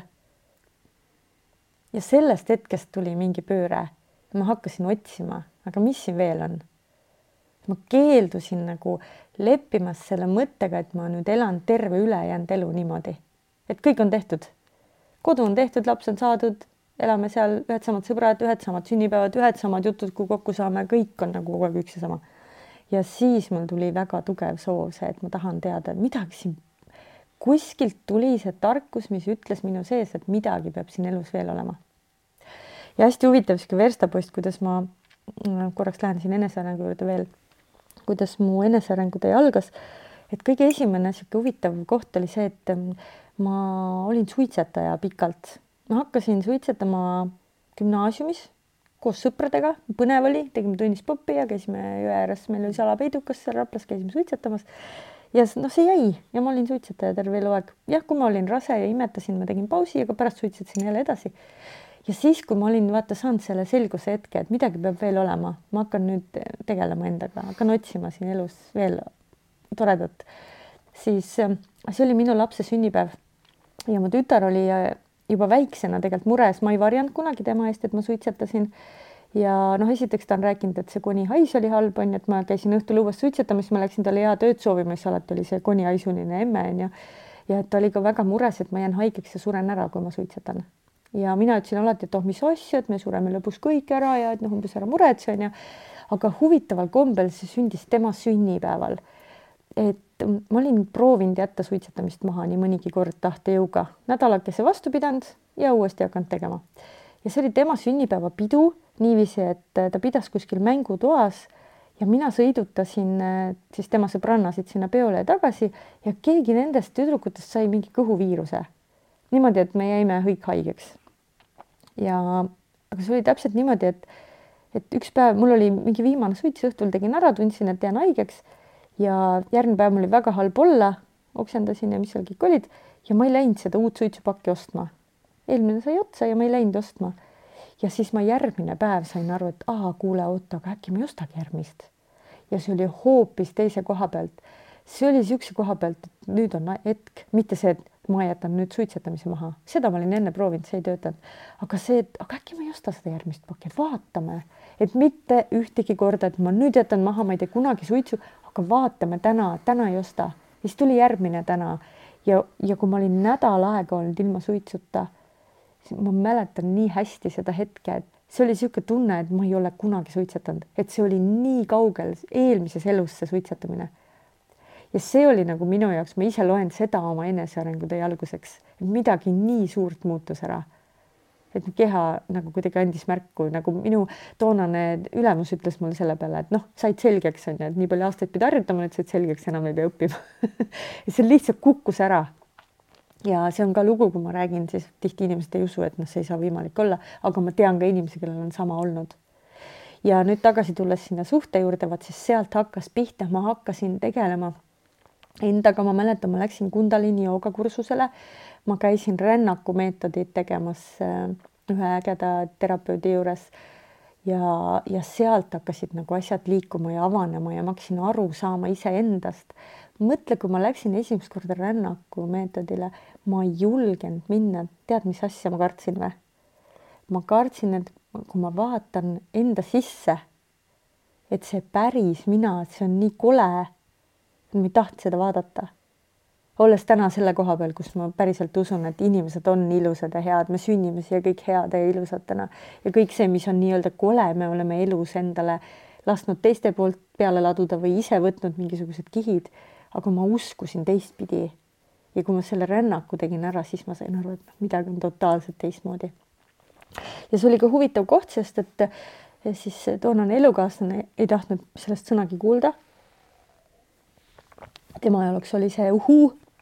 ja noh, ega siis ma ka rumal ei olnud, ma siis kasutasin ära seda uhuud, et kuna ma käisingi joogakursustel, siis sealt edasi tulid minu ellu juba Turbiin pluss selline naiste enesearengu kogukond, mida vedas Marlen Annabel-Kubri, kellelt ma olen ka hästi palju tegelikult õppinud sellel ajal, see oli nagu megakasvukeskkond, kui ma seal olin, see oli kinnine, kinnine grupp ja see seal, seal ma sain hakata esimest korda tulema nähtavale sellena, kes ma olen, see oli hinnangute vaba ruum. ehk siis ma saingi nagu proovida, et kuidas on olla iseendana, ilma et keegi ütleks sulle, et sa oled vale kuidagi. Ja ma siis peitsin kõik selle, sest seal Turbliin plussis olid meil päriselu kokkusaamised, igast naisteringid, siis juba tulid mingisugused muud asjad, muud tehnikad, aga kuna see tollane elukaaslane nagu viskas nalja selle üle, mida ma teen, et see on mingi uhuu ja ja, ja tema ise ütles niimoodi, kuna ma käisin joogakursusel, et noh, lähed jälle joogasse jah, naeris niimoodi onju.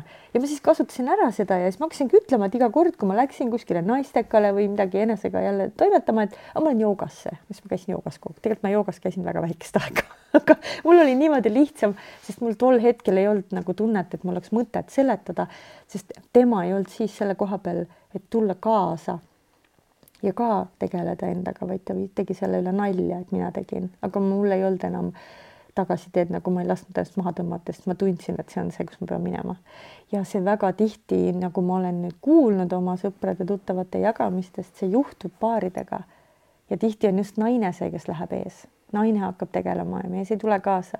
ja siis on mingi hetk see koht, et kas see naine siis ootab nüüd meest järgi, kui mees ärkab või minnakse eri teid.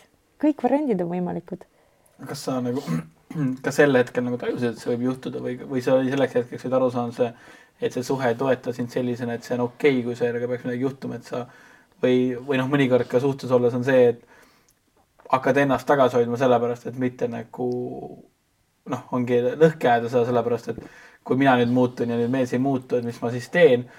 ja siis võib-olla ongi see, et ma pigem siis ka ei muutu või kuidas sinul nagu see oli, kuidas sul, kus sul oli see julgus ise muutuda, olenemata, mis tagajärjed olla?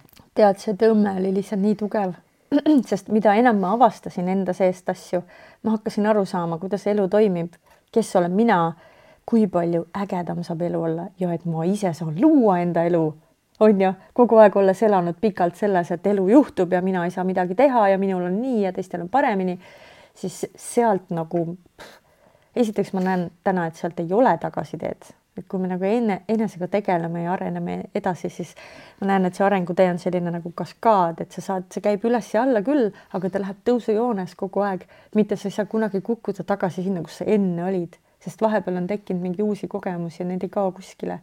ja mul ei olnud seda kohta, et äkki läheks tagasi või hoiaks ennast vaos, et me saaks koos olla, vaid mul oli jälle täpselt sama asi nagu kodust ärakolimisega, see uudishimu oli nii suur, sest ma nägin, mis seal on. Ma nägin, kui palju ägedat on veel olemas ja mida ma saan ise luua enda ellu. üha rohkem hakkasin seda nägema ja ma vist mingi hetk tegelikult üsna kiiresti tegin rahu sellega, et me ei jäägi kokku minu enda sees, aga füüsiliselt seda sammu teha, et nagu minnagi lahku, sest see lahkumineku jutt oli meil kogu aeg, ma väga tihti ähvardasin tüli käigus, et ma lähen minema, jätan su maha ja kui seda kogu aeg kuuled, siis sa ei võta ju enam tõsiselt. Ja, ja kuni sinnamaani välja, kuni ma siis praadisin seal selle sees kolm aastat, ma olin nagu, nagu kogu aeg nagu kaks mind üks oli see, kes väljaspool säras ja oli jumala enesekindel, mõtles, et davai, nüüd ma teen selle ära. siis ma läksin sinna koju ja siis tuli see süümepiinade laviin, et mina lõhun meie pere ära ja niimoodi ei tehta ja peaks ikkagi olema lojaalne ja siis ma olin nagu, oli nagu kaks mind. üks oli see, kes siples seal kodus selle jama sees, ei osanud sealt välja tulla ja teine oli see, kes väljaspool üha kasvas edasi, aga kuskil oli piir ees, sest ma ei lasknud vanast lahti. kuni ma siis ükskord elu tuli mulle vastu ja pakkus võimaluse mul ära kolida. aga see kolm aastat, kas see oligi koos enese, enesearenguga või kaua nagu, kui palju sellest kolmest aastast oli juba sinu areng või see hakkaski nagu koos arenguga koos käima? see hakkas koos käima, ma arvan jah.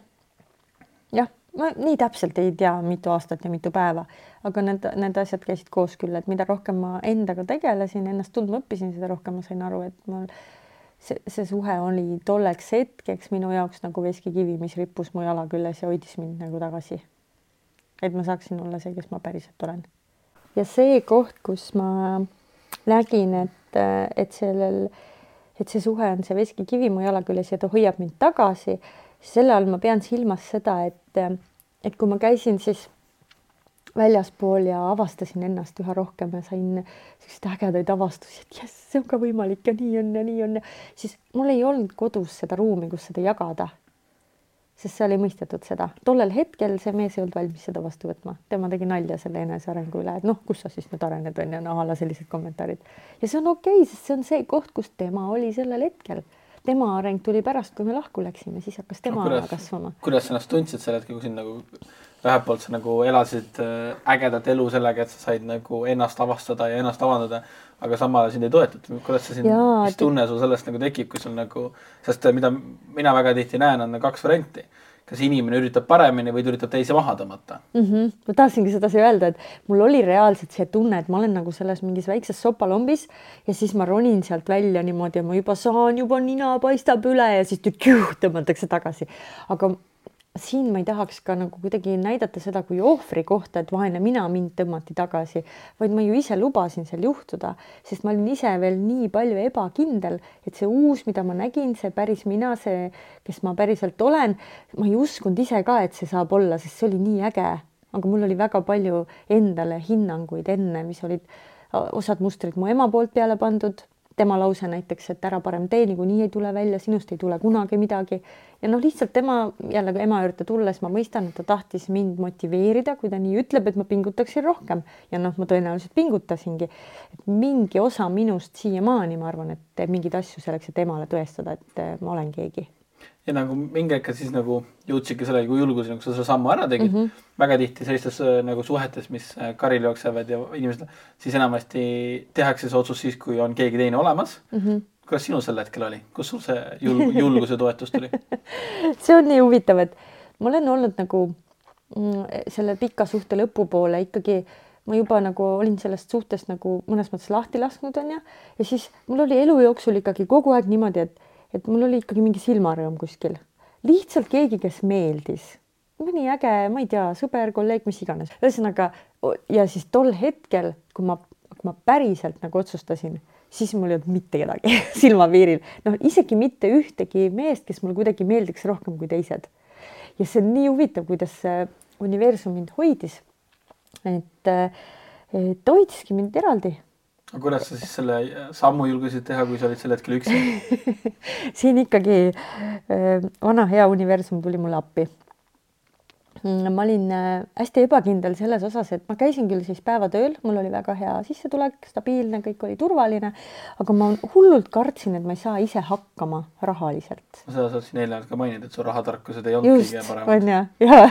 et siis ma saan aru, et kui sa nagu seal juba lõpu ajal käisid päris heal töökohal, siis ma saan su raha tarkused ikka palga pealt. selle võib ja siia, selle võib ja siia vahele ära rääkida, see on väga hea lugu tegelikult. Ja ma mõistan, kust see tuleb. Mm.. rahatarkust tõesti meile lapsena keegi õpetatud, meie peres oli raha pigem see, millest ei räägitud. Ja mul oli kuidagi teadmine, et raha ei ole, sest raha ei olnud kunagi nähtaval ma tean, mu sõprad on rääkinud lugusid, kuidas kellelgi on mingi rubla ja lõpus seal ema sai palka, oli mingi rahaklotsid ja siis sealt, kes kuskilt sealt mingi raha nillis endale, meil ei olnud nagu niimoodi raha nähtaval kohal. raha oli vähe, raha ei olnud, aga samas nagu oli, sest meil ei olnud mitte midagi puudu. kõike sai, onju, aga mina kasvasin selle teadmisega, et raha on see, millest ei räägita. võlg on võõra oma kindlasti, et noh, pead ise hakkama saama jällegi, et meil oli kodus olemas kõik, kodu oli, riided oli, söök oli, aga raha ei olnud silmapiiril onju. ja ma võtsin sealt kaasa selle mustri, et ma tegelikult suht terve täiskasvanu elu sinnamaani, kui ma hakkasin enesearenguga tegelema ja see raha teema sisse ka vaatama, siis ma avastasin, et mul ongi niisugune muster ma oskasin elada alati palgapäevast palgapäevani noh, vahel sai raha enne ka otsa, aga noh, mitte nii, et midagi hullu oleks juhtunud, onju. noh, kolm päeva ei käinud poes, suvat, onju ma ei olnud kunagi näljas ja kas siis, kui ma seal Raplas elasin ja hääletasin ja vahepeal sai raha otsa, ma jälle, ma ei olnud kunagi näljas, midagi jäänud tegemata. alati sai, ma ei tea, mingi sõbra juures süüa või keegi tõi midagi või alati oli, aga raha ei olnud silmapiiril, onju. ja siis ma tegelikult terve täiskasvanu elu ka niimoodi majandasin, et meil olid äh, rahakotid eraldi selle elukaaslasega ja jällegi, kõik asjad olid alati makstud, kõike sai, mida oli vaja osta, ostsid ära, suuremad asjad kuu alguses kuu lõpus sai nagu raha otsa, siis tuli jälle uus palgapäev onju, kogu aeg oli see muster. aga mis sealsamas kõrval oli seesama asi, mis lapsepõlves, kõik oli olemas, kodu oli, riided oli, süüa oli ja ma sain väga hästi tänu oma töökohale, mul oli imeline tööandja selles mõttes, et mind väga hoiti. Selle ettevõttes, kus ma pikalt töötasin see töö oli pingeline, seal nõuti palju, aga me saime ka vastu väga palju. mul oli väga hea palk, väga head igasugused boonused ja preemiad. mul oli väga hea tööauto. me reisisime niimoodi, et ma ei oleks kunagi ise elanud nii hea taseme hotellides või käinud sellistes kohtades, kus me käisime tööreiside ajal. aga seal taustal ma olen käinud reisil, nii et mul oli seitse eurot pangaarvel ehk siis see muster on tegelikult saatnud mind terve elu ja vaata, kui tugev on alateadvus ma, ma olingi kirjutanud endale niisuguse mustri, et kõik asjad on, aga raha ei ole ja siis raha sai alati otsa, vaata ja nüüd nagu nüüd ma hakkasin siis äh, õppima nagu sellele sisse vaatama ja ega ma ei ole selles väga hea siiamaani.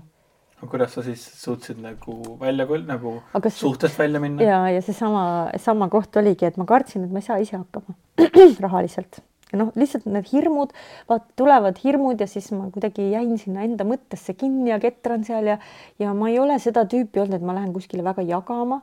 ma võisin mingi paari sõbraga rääkida, aga kuna mul oli ka see uskumus, et ma pean üksi saama hakkama, siis ma ketrasin ise neid asju. noh, ja tead, minu kogemus on see, et niimoodi väga kaugele ei jõua, onju. see on see, miks ma täna näen, miks igal inimesel võiks olla coach sellepärast et sa lihtsalt pead oma asju aeg-ajalt väljapoole ventileerima, et ka ise kuulda, mida sa mõtled ja kuskohast sa keerutad.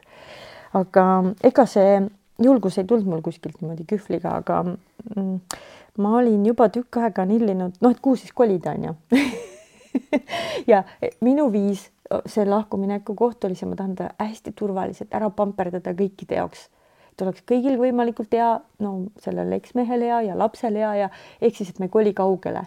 Ja su laps oli sel hetkel mingi kaksteist või? midagi sellist jah, isegi ei hakka praegu arvutama täpselt, noh, üksteist, kaksteist midagi.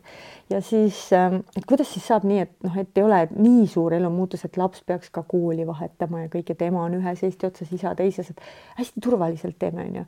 ja siis ma olin nillinud oma naabri korterit, kes ka sellest ajast, kui me sinna majja kolisime, oli ka üks meie sõpradest ja tema ise juba elas ammu teises linnas, aga see korter oli tal üüril ja ma olin ta käest küsinud paar korda, et kas noh, kuidas sul need üürnikud on, et noh, ma tahaks ise seda korterit üürida, onju.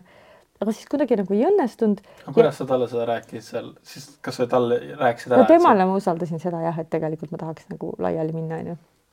ja siis ühel hetkel ta lihtsalt andis mulle teada, et kuule, lähed üürnikud välja sealt ja siis mul oli see koht, kus ma lihtsalt siis tuli see julgus, vaata, lõvi tuli välja ja no ega ma ikka hiilisin ümber nurga tagustes, sest ma ei ole, ma olen kartnud konflikte väga terve elu, sest et ma olen kartnud, et sealt tuleb pahandus ja siis ma olen vale, noh, jälle lapsepõlvest tuleb, onju. ja, ja mul on väga keeruline inimestele öelda asju, mida ma tean, et neile ei meeldi. siiamaani on ma lähen teinekord ka pöördesse, kui mu head sõbrad omavahel argumenteerivad, minule tundub, et nad on jumala tülis, tegelikult nad lihtsalt nagu räägivad kumbki oma seisukohast, kõik on korras, onju. Olen selle kohe ära tundnud. ja, ja siis, kuidas, oh jess, seda protsessi siis kõigepealt ma hiilisin, ma käisin siis hommikuti jooksmas ja ma sain siis, see sõbranna andis mulle need korterivõtmed, ütles, et mine hommikul sinna. see korter oli nii pidid, et täpselt meist üle koridori, noh, kõrvalkorter. samal korrusel? jah, samal korrusel et ma kolisin üle ukse ja sõbranna andis mulle võtmed, ütles, et aga mine hommikul sinna, et seal on hommikupäike hästi ilus. ja ma mäletan seda esimest korda, kui ma läksingi hommikul, päike paistis, ma läksin siis nii-öelda jooksma, läksin kodust välja, tegelikult läksin sinna korterisse ja siis see tunne, see, kui seal oli see valgus ja see heledus ja ma kujutasin ette, kuidas ma elan siin ja tütrega koos ja kassidega koos ja see, see oli nii hea vibe, ma tunnen siiamaani seda vibe'i, kui ma seda mõtlen, kuidas see oli. ja siis ma lihtsalt seisin seal ja siis istusin seal tugitoolis akna all ja mõtlesin ja, ja see oli see full body yes nagu terve keha ütleb ja onju.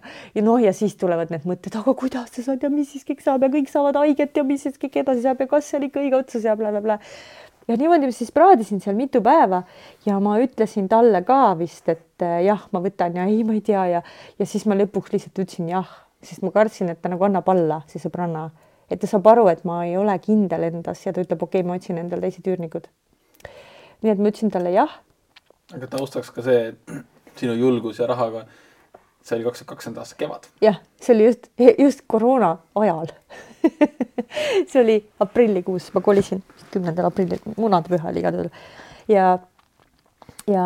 see ka kindlasti ei olnud väga nagu kindlustunnet tekitav aeg. kusjuures mina ei tea, minul ei olnud nagu, vaata elu on mind, ma, ma ütlesin, elu on mind väga hoidnud. Ja, ja ka kaks tuhat kaheksa, milline see majanduskriis oli, kaks tuhat kaheksa majanduskriis.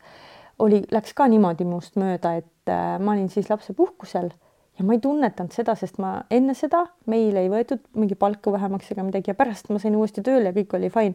ja koroonaga oli tegelikult sama, et meie ettevõte ei teinud mingeid siukseid drastilisi samme, et kellelgi oleks palka vähendatud, me tegime kodukontoris tööd, aga meil oli nagu kõik sihuke stabiilne, et see ilmselt ka toetas. aga ma tean seda, et selleks, et korterit üürida, sa pead ju maksma mingit tagatisraha ja midagi ette ja, ja, ja ma sain, ma ei mäleta, mis asja ma sain, mingi preemia, mingi lisaraha tuli ja vot see oli mulle kinnitus, et nüüd on õige aeg, siis ma sain täpselt nii palju lisaraha, kui mul oli vaja, et see ettemaks ära teha korraks toon niisuguse asja siia sisse, no see on minuni jõudnud läbi Kai Oja ja Bob Proctori õpetuste, et ähm, meie kõigi sees on see minapilt, kuidas me ennast näeme. Ja Bob Proctor võrdleb seda sisemise termostaadiga. Ja minu arust on see ülihea näide. Ja minu, minu ja raha suhe on ideaalne näide sellest nagu. et äh, see lihtne näide on ju, et sul on kodus pandud termostaat kahekümne kraadi peale, istud seal toas, järsku tunned, jumala külm on, keegi on unustanud ukse lahti, paned ukse kinni, noh, temperatuur on viisteist kraadi on ju, paned ukse kinni, siis termostaat, kuna ta on pandud automaatika peale, toob see temperatuuri jälle kahekümneni, ülespoole ei vii, allapoole ka ei lase, noh, see on stabiilne. Ja siis, kuidas tema seletab seda mina pilti, et see, kuidas mina ennast näen, see on see minu sisemine termostaat, mis toob mind alati tagasi just täpselt sinna kohta. ja kui me nüüd võtame selle raha näite, et see, et kõik asjad on olemas, raha saab otsa, raha ei ole silmapiiril, siis ka see on ideaalne näide sellest ja mul on elus neid veel olnud, et kui mul on vaja millekski rohkem raha, siis see tuleb. Aga tuleb täpselt nii palju kui vaja. Ma olen saanud niimoodi trahvi, et ma sain mingi pisikese preemia, mingisugune sadakond eurot ja siis ma sain kuskilt kuradi kiiruskaamerast trahvi täpselt selle summa et see nagu alati see termostaat toob mind sinna tagasi. noh, seda saab muuta lohutuseks kõigile kuulajatele, et ma nüüd tänu Kaile tean, kuidas seda muuta ja, ja tege, tegelen sellega. aga ma sain just selle, selle lisaraha ja see okei okay,, see on see, ma ei mõtle, et ma saaksin selle rahaga midagi osta, ei, see on selle jaoks praegu siin. tegin selle, võtsin otsuse vastu, tegin selle lepingu ära. noh, ja siis tuli vol kaks, siis oli vaja ju öelda sellele endisele elukaaslasele, et nüüd ma lähen. oh jeerum seda ma praadisin, ma ei tea ka mitu päeva, mul olid juba korteri võtmed käes, mingi salaja. siis see, et rääkida seda lapsele, rääkida talle ja mis seal taga oli, see kõige suurem hirm. ma kartsin, et ma teen teistele inimestele nii palju haiget selle otsusega. noh, eks see otsus tegigi meile kõigile haiget, mulle endale samamoodi. eks me väga tihti elame selles maailmas, kus me oleme nõus ka asju ise mitte ise valima selleks, et teisi säästa, aga tegelikult me tasu alati. Ta,, tasub nagu vaadata seda, et nagu kellele kõige rohkem mängitame. Mm.. ja need äh, süümepiinad siis seal taga olid need, kus äh, kuna ma tegelikult lapsena tundsin tihti, et ma olen süüdi, noh, kas needsamad väiksed õed-vennad midagi korraldasid, onju, et eks ma võtsin selle mustri sealt kaasa. et tõenäoliselt olen mina süüdi, aga täna ma ei usu üldse enam sellesse, et keegi saab olla milleski süüdi vaid ma päriselt usun, et me kõik anname alati oma parima ja selle suhte sellisel kujul nagu pekki keerasime me ju mõlemad, sest see on kaks osapoolt ja kumbki tegi oma osa. nii et äh, siin on täiesti selline, mina näen, et siin on kahe täiskasvanud inimese vastutus.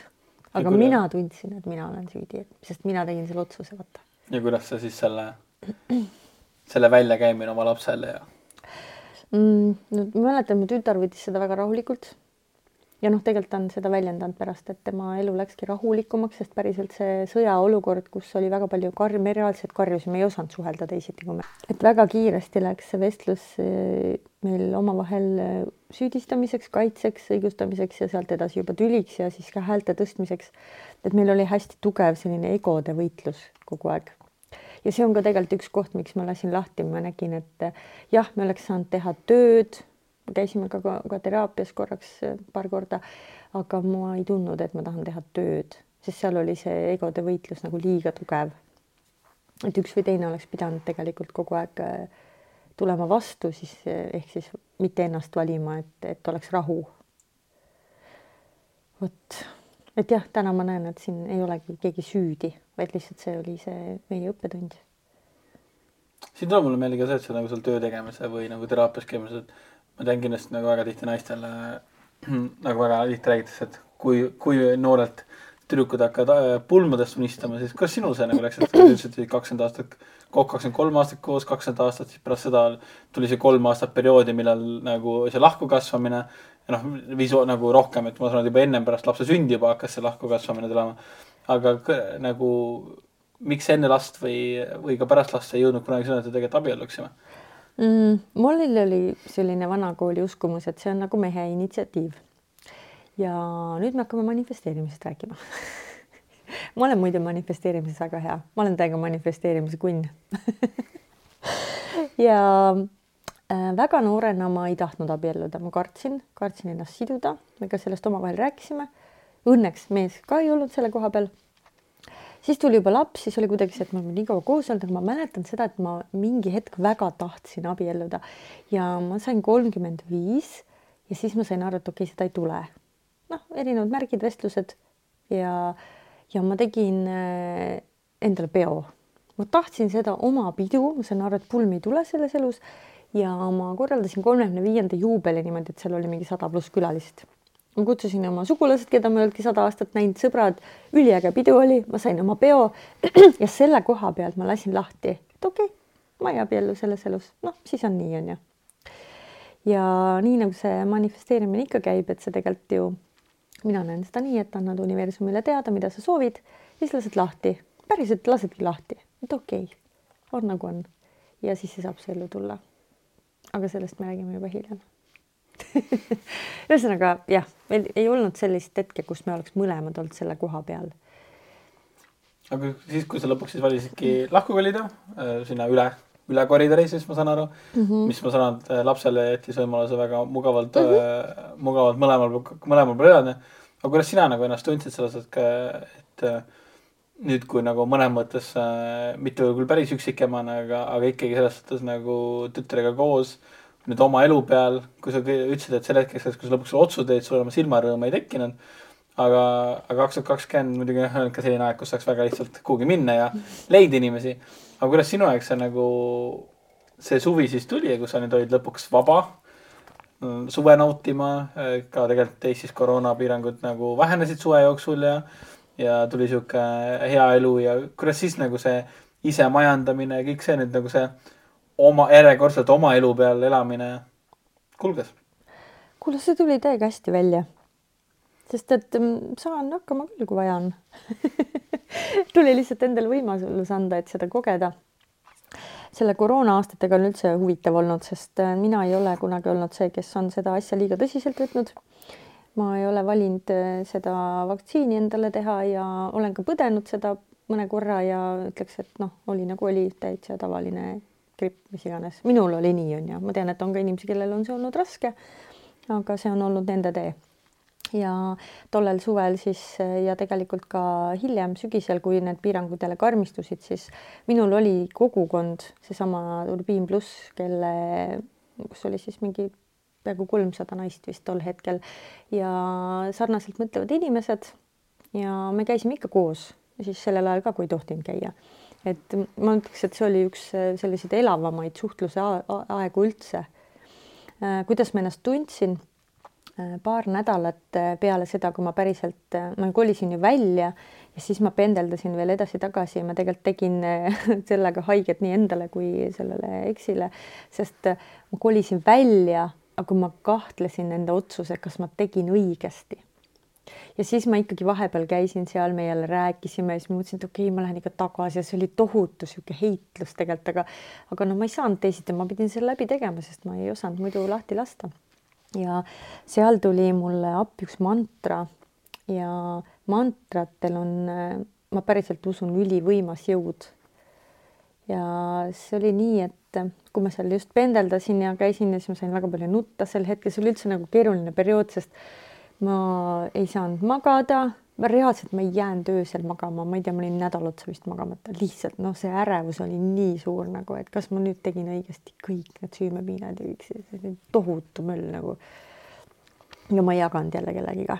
Absoluutselt, ma olin jälle üksi sellega, sest ma olen kogu aeg olnud see, et ma saan üksi hakkama ja ma pärast räägin, mis mul oli. Aga ma ei jaganud, siis ma sellega seal võitlesin ja püüdsin toime tulla. ja selles äh, minu uues kodus, kuigi tegelikult mu sisetunne kogu aeg ütles, et ma tegin õigesti, et see on õige otsus ja ma arvan, et sealt ma sain ka selle tugevuse, et sealt läbi minna sellest raskest kohast, et mitte tagasi kukkuda. sest mul oli ka see tunne, et kui ma nüüd valin tagasi minna, meil on võib-olla paar nädalat või paar kuud on ülihäbi teineteise leidmine, ega need vanad asjad tulevad ikka üles ja nendega on jälle vaja tegeleda. et kuhu ma siis jõuan ja ma tundsin tegelikult, mu sisetunne ütles, et see ei ole minu tee, ma pean edasi minema. Ja selles minu uues korteris oli esikus äh, sellised suured peeglid maast laeni, garderoobikapp. ja mulle lihtsalt tuli kuskilt täiesti tühja koha pealt mantra, inglisekeelne. This is my home, I live here. ja iga kord, kui ma läksin sinna uude kuju, ma vaatasin seal esikus peeglisse ja ma ütlesin endale seda inglise keeles, ma ei tea, miks. ja see lihtsalt, see tuli ja ma kordasin seda tuimalt, selles mõttes tuimalt, et mul ei olnud mingit, ma ei osanud mingit tunnet sinna taha panna. See lihtsalt tuli mulle iga kord meelde, kui ma sinna läksin ja sinna peeglisse vaatasin ja ma sellega ankurdasin nagu ära selle, et see on nüüd minu kodu. ja siis ma suutsin lõpuks nagu päriselt minna ja sealt oma sabad kõik lahti tõmmata. ja kuidas see siis äh, lapsele ja siis eksile mõjus mm.? kui sa lõpuks ära otsustasid? ma ei saa nende eest rääkida nii palju, kui ma tean, siis äh, ma, ma tahan ka hoida tegelikult nende privaatsust, sest kui nemad tahavad oma lugu jagada, siis nad lähevad ise ja jagavad seda kuskil podcast'is, võib-olla kunagi minu omas aga, aga ma tean, et see mõjutas neid kindlasti mõlemaid tugevalt. lapse kohta ma juba jagasin nii palju, kui ma mõistan, et tema elu läks nagu rahulikumaks. ja, ja tal olid mõlemad vanemad jätkuvalt alles, ka lähestikku ja ta käiski nagu meie mõlema vahet. ja, ja eks jah, ma, ma, ma valingi praegu, et ma selle elukaaslasest ei saa midagi rääkida, sest ma ei, ma ei saagi. see on juba tema valik aga seal taustal, kuigi sa tõid välja, et sul oli nagu hea töökoht ja selle koha pealt ka, aga ma saan aru, et nagu see sinu enesearenguga kaasnes ka see, et nagu asjad, mis sul vanasti olid head ja toredad, aina rohkem hakkasid nagu ka selles suhtes looma, et kui see nagu see suhtest välja tulemine oli üks suur väljakutse siis tegelikult eh, taustal sul oli küll hea töökoht, aga ega sa selle ka kõige õnnelikum alati olnud? oo oh jaa, selle tööga oli ka nii, et mul oli seal lihtsalt väga-väga hea. ma olin jälle see natuke nagu see koer seal naela otsas, sel tööl ka. ma sain aru, et mul tegelikult eh, enam ei ole seda kirge, sest ma olin teinud seda kirega mitu-mitu aastat sellel positsioonil, kus ma siis lõpuks olin, suurkliendi müügijuht. ja, ja see hakkas nagu muutuma rutiinseks seal olid mingid asjad, mida ma pidin iga kuu tegema, ma ei saa, mida ma ei sallinud silma otsaski, mingid aruanded. Ja noh, siis teed nagu punnitad ära, aga noh, see ei ole tore enam. Ja ma olen kogu aeg endale rääkinud seda, et ma nii kaua töötan seal, kui ma lähen hommikul nagu hea tujuga. Ja ma päriselt olin see palju aastaid. ma nagu reaalselt läksin pühapäeva õhtul, mul oli see, et jess, homme saab tööle minna, sest mulle päriselt väga meeldis mulle meeldis see töö, mulle meeldisid need inimesed, aga ma panin ka inimeste puhul tähele tegelikult seda, et kui ma hakkasin enesega rohkem tegelema, noh, selle teekonna kuidagi loomulik jätk on näiteks see, et et äh, alkohol enam ei, lihtsalt ei sobinud mulle ma ei ole siiani endale öelnud, et ma ei joo enam mitte kunagi, aga ma lihtsalt ei taha üldse seda valida, sest see on nagu nii teistsugune energia ja ma tunnen, et ma ei ole endaga kontaktis, kui ma joon alkoholi. aga seal ikkagi noh, sündmustel teinekord ju see alkohol ka mängus oli, ma juba sealt nagu hakkasin tundma, et ma tegelikult kasvan ka nagu inimestest lahku. niimoodi vaikselt-vaikselt. meil oli väga sihuke ühtehoidev tiim ja me tõesti see mu tööandja hoidis mind nagu väga hästi, et ma olen hästi tänulik talle, ma sain väga palju õppida, sest ta ka usaldas mind väga palju asjades, mida ma ei olnud varem teinud, andis võimaluse neid teha, neid kogeda, nii et mul on tegelikult nagu hästi suur tänulikkus selle eest. aga ma tundsin ka seal täpselt sama asja nagu suhtes, et ma hakkan vaata lahku kasvama. Ja sa saad aru, et kurat, siin siit ei ole tagasiteed, ükskord tuleb see ka ja siis on see, ma ei taha, ma ei taha seda näha, ma ei taha seda teha, mis ma tegema hakkan ja siis jah, täpselt kui ma tulin, äh, mul oli tegelikult samal ajal laual ka töölt äratulek. ja siis suhtest väljatulek või töölt, korraga ma ei oleks neid asju teinud, sest rahaliselt mul oli vaja siis sissetulekut. Ja ma tagantjärele näen, et see oli nagu ainuõige, et ma niipidi valisin, et ma ei vali, noh, ma valisin ka, aga universum tuli ka appi ja tõi mulle selle korteri onju, et see pidi nii olema, et noh, kõigepealt lasen sellest suhtest lahti ja siis ma sain ähm, siis paar aastat hiljem lasta ka sellest tööst tegelikult lahti. Et, et need on olnud sellised kaks minu elu viimast äh, suuremat julgustükki, sellised muudatused ära teha. enne seda sa kommenteerisid ka sellest alkoholist lahtilaskmist ja, ja tegelikult enne seda oli sul ka julgus valida ka enda toitumise, enda mm -hmm. sellele poolele otsa vaatamist oh,, et kuidas sa sinna jõudsid? Ähm, ja sellel samal sügisel, siis kevadel ma läksin sellest suhtest välja ja sügisel tuli mu ellu Wildfit ja kes ei tea veel, siis Wildfit on üks väga äge mm, transformatsiooniprogramm. jah, seda küll pakutakse toitumisprogrammi eh, nime all, aga aga ma arvan, et igaüks, kes on Wildfitiga kokku puutunud, teab, et siin ei ole ammugi asi ainult toitumises. et äh, selle programmi looja Erik Edmiits on lihtsalt äh, lihtsalt mees, kes kõik tema programmid, mida iganes ta õpetab, äri või avalikku kõnelemist või toitumist, siis kuidagi juhtub niimoodi, et tegelikult kogu su elu nagu transformeerub järgmisele tasemele nii et täiega, täiega tänulik talle, et ta teeb seda, mis ta teeb. ja see tuli ka minuni läbi Turbiin plussi, kus minu toolan, toonane siis ähm, kes oli minu Wildfit coach Piret, äh, siis tutvustas Wildfiti ja ma valisin ja ma olin olnud, issand, sellest võiks eraldi saate teha, et ma olin olnud selleks ajaks see, ma olen olnud eluaeg see naine, kellel on kogu aeg see kaks kilo üle.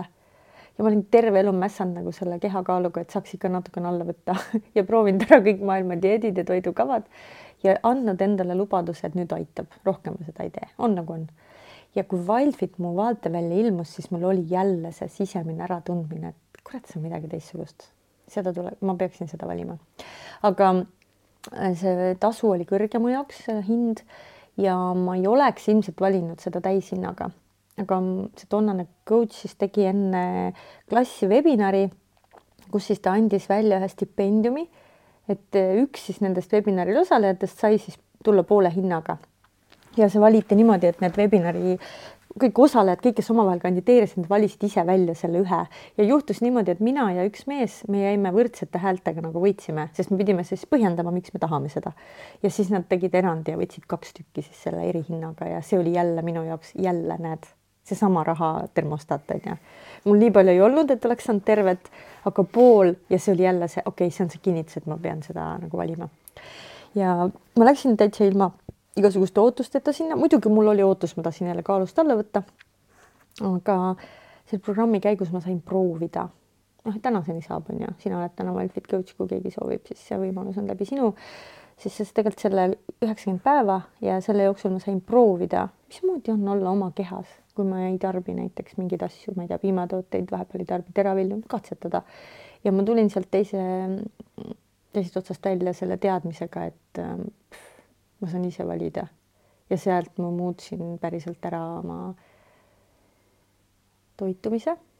tahtsin öelda suhte toiduga, suhe toiduga on ikka veel muutumises, mul on väga sugev emotsionaalne side toiduga, kuna ma lapsena nagu otsisin seda pidepunkti, kus mul on turvaline, sest toit oli tihti see, mis oli kindel asi. Ja, ja miks äh, hea näide, miks mul täna peekon nii väga maitseb, on ju. see oli üks asi, mis meil oli lapsena keldris, meil oli siis kaks tünni hapukapsas ja peekon, siis alati oli seal soolaliha, seda söödigi jumala eest söögi alla, söögi peal, igal pool, kogu aeg oli see soolaliha laual. ja, ja ilmselt praegu mul on ka näiteks peekoniga niisugune seos, et teeb mul turvatunnet. mul on selline seos toiduga, et noh, sellega ma veel nagu diilin, seal on natuke veel, sooviksin veel rohkem vabadust. aga Wildfeed muutis mu elu hästi mitmes mõttes ja, ja kaasa arvatud ka selles mõttes, et meie sinuga saime tuttavaks läbi Wildfiti. ja see oli taas üks väga suur julguskoht minu jaoks, sest sa oled, me kohtusime Wildfiti õhtusöögil meie sõbrad teavad seda lugu. selle kohta võib eraldi pikemalt. sellest teeme eraldi saate ja see on jälle manifesteerimise lugu räägime manifesteerimisest, teeme ühe kahekesi saate, maja ja kõik asjad on ju, davai. ja, ja kui me kohtusime, siis äh, sina oled minust natuke noorem, kolmteist aastat ja ma olin enda üle nii uhke, kui me hakkasime suhtlema, sa kutsusid mind jalutama, mõtlesin, et ma ei vaadanud sind nagu, nagu abikaasa kandidaati on ju tol ajal, sest et äh, mulle sa lihtsalt tundusid nagu üliäge inimene ja nii inspireeriv ja noor ja teotahteline, ma tahtsin näha, kuidas sul läheb. ja siis, kui sa kutsusid mind jalutama, siis mõtlesin, okei okay,, ma võin minna ja ma olin nii uhke enda üle, et ma olen nii palju kasvanud, et minu jaoks oli nagu mugav võtta vastu selline kutse et mul võiks olla selline meessoost sõber, kes on minust veel nii palju noorem, versus see, et viis aastat enne seda ma oleks nagu oh,, mis sa tahad minust, oleks minema jooksnud lihtsalt, sest ma ei osanud suhelda nii palju teistsuguste inimestega või, või nii palju noorematega või mis iganes põhjused on ju. et see on ka hästi niisugune suur tore taipamise koht oli, et ähm, noh, ja edasine on ajalugu, eks ju. Mm.. tänaseks ma olen saanud äh, oma unistuste pulmad, millest ma tookord lahti lasksin ja oleme olnud abielus aasta ja natuke peale et selles suhtes sellest manifesteerimist ja kui me oma, oma elu koos loonud oleme mm, -hmm. et sellest me arvame, võime täiesti eraldi episoodi teha. et selle, selle, siia me praegu sügavamalt ei peatu mm -hmm. sellesse. aga mis kindlasti ma saan aru, et mis äh, siis äh, uude suhtesse toomine nagu -hmm. tulemine lõi, oli ka jälle seda turvatunnet, mida Tõnu, sa said teha selle teise mm -hmm. suure sammu oma elus ja julgeda valida. kuidas selle valimine läks ja kuidas see nagu mm -hmm otsustamine? Jeerum, ma tunnen, et need lood on nii suured ja nii pikad, et meil tuleb nii pikk saade, ma lasen lahti sellest, tuleb nagu tuleb, onju. et ähm, ja me olime juba sinuga koos, kui mul tegelikult oli see koht jälle, kus ma tundsin, et seal tööl mul ei ole, ma enam ei lähe sära silmades sinna ja ma tundsin, et ma selles mõttes äh, äh, nagu ma ei panusta enam ka nagu ei tiimi ega nendesse inimestesse ega ka mitte oma klientidesse, sest me ei ole sajaga enam kohal. ja ma sain aru, et mul on nagu päriselt vaja nüüd lahti lasta ja siis mulle tuli appi äh, koroona. sest äh, tekkis siis olukord, kus äh, nõuti vaktsineerimist, minul seda tunnistust ei olnud ja tänu sellele mul oli nagu lihtne siis lahti lasta, et okei okay,, nüüd on aeg ja ma tulingi päevatöölt ära täiesti nii, nagu mitte keegi ei soovita. teadmata, mis ma edasi teen, mis ma üldse teha tahan. lihtsalt, mul oligi tänu sellele, et sina olid, me olime juba koos, mul oli mingisugune selline turvatunne, et, et. meil oli maja. ja meil oli juba kodu, on ju, see on ka eraldi manifesteerimislugu, kuidas see sündis. ja et ma nagu sain turvaliselt teha, et okei okay,, et ma olen kasvõi aasta vaatan ja siis on ju alati jälle tööle minna, kui ma soovin. Ja see aasta oligi alguses selline, et ma ei osanud olla niisama. ma mässasin kodus mingi remonti teha ja hakkasin kohe mingeid asju tegema ja kohe mõtlema, et ma teen nüüd oma ettevõtte ja siis turundusteenust siin pakun ja ja, ja mida aeg edasi, seda rohkem ma nagu hakkasin julgema puhata ja niisama olla ja lahti lasta. ja ma lõin lõpuks ära selle, et ma tegelikult selle aastaga läbisin Holistika Instituudi aasta iseendale, niisugune hästi suur sisemine kasvamine. Ja sealt sai, kuna me seal praktiseerisime coaching ut üksteise peal siis sealt sai mu ellu tulla äratundmine, et coach imine on see, mis ma tegelikult teha tahan. ja ma jõudsin siis selle aja jooksul ka õppida coach'iks EBS-is, olen sertifitseeritud juhtimiscoach. ja tänaseks mul on juba mitu kuud oma ettevõte ja ma hetkel olen siis selles kohas, kus ma päriselt jooksen seda käima, et mul oleks ka seal regulaarne, regulaarne rahavoog ja, ja sellised kliendid, kes on nagu kogu aeg olemas kõige selle taustal sa tegelikult äh, vead ühte ägedat Facebooki gruppi. sa alustasid nüüd podcast'iga, sa vead ühte väikest naisteringi, sa peaturundusteenuse nüüd ka coach imisteenuse pakkumisega.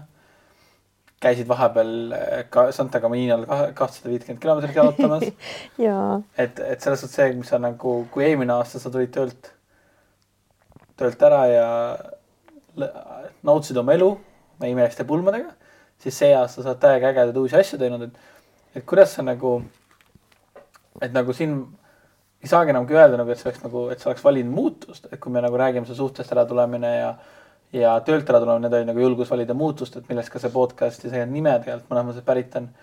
siis see aasta sa oled väga ägedalt lihtsalt loonud oma elu.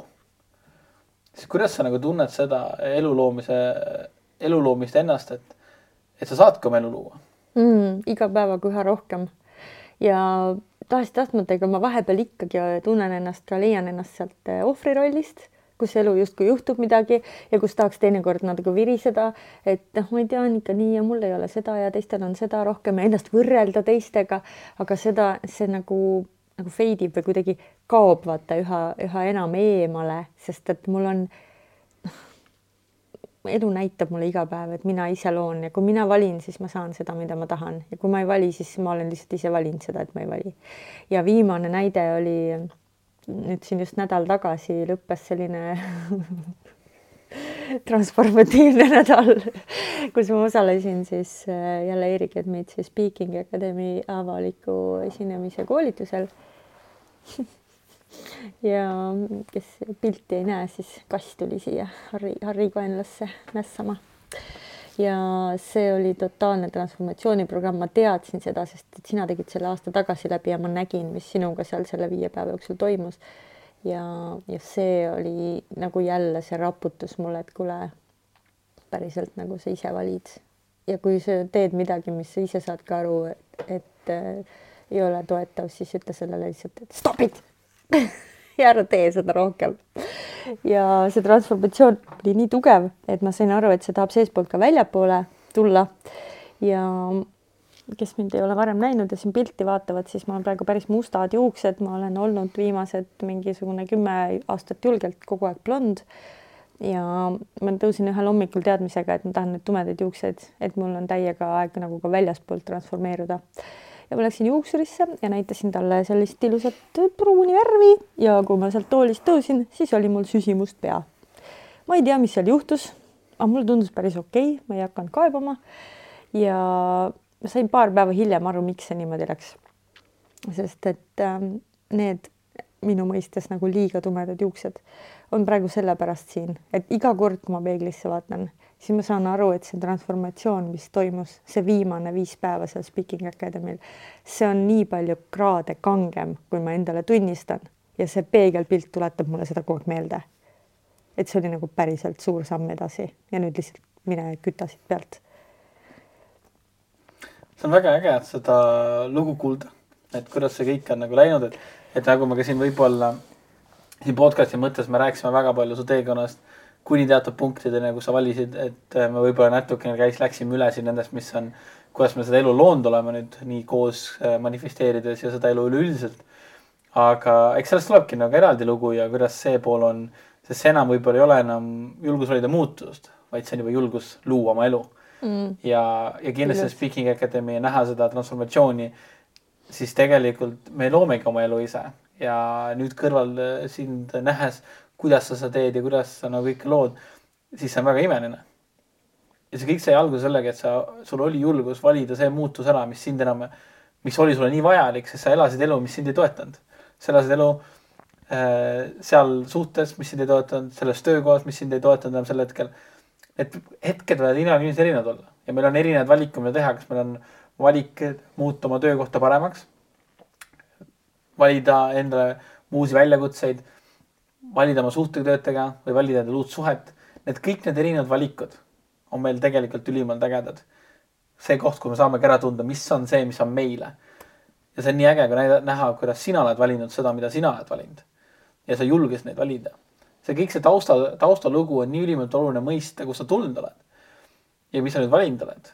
Ja nüüd see, et sa oled hakanud coach'iks, see, et sa oled hakanud äh, seda turundust, seda ise ka oma teenusele pakkuma, mentorlust, coaching ut, kõike seda, see kõik on eelnevalt selleks ka siia viinud ja selle tulemusel ongi, et ja see, kuidas seda elu me juba loonud oleme, seda saame meil teinekord rääkida. kas sa sooviksid oma külalistele mm. Podcast'i kuulajatele veel midagi lõpetuseks öelda esiteks ma tahan sulle öelda täiega aitäh, sa oled ülivinge saatejuht, mulle väga meeldib see, mida sa tegid minuga, et me hakkasime salvestama ja siis ütlesid, kuule, et see on natuke igav. see ei olnud nii, aga ma sain aru, et tegelikult see oli see mõte onju. et sa julged küsida neid küsimusi ja et sa nii mõnusasti hoiad meie vestlust ree peal, et ega aitäh sulle ja ilma sinuta ma ei oleks oma lugu jaganud, sest ma arvasin, et üksinda seda rääkida, see ei ole nii paeluv kui dialoogis. Aga kuulajatele teiega aitäh, et olete siin, te olete vapralt ära kuulanud selle episoodi ja ka eelmise, kus me jagasime, Harri jagas siis oma lugu. Ja et te olete ka jätkuvalt meiega, et väga palju põnevaid külalisi on meil tulemas. Ja podcasti nimi on täna küll julgust valida muutust Liisi Parkeriga, aga mine tea, et võib-olla see imeline kaassaatejuht astub siin nii teinekordki veel üles et kui sul siin saates midagi kõnetas, siis jaga julgelt seda vähemalt ühe oma sõbraga või tuttavaga või jaga avalikult oma seinal, et selle podcasti kõige suurem missioon ongi, et inspireerivad lood saaksid lihtsalt levida rohkemate inimesteni. ja järgmise korrani. Aitäh! Teile kuulamast! Ja järgmise korrani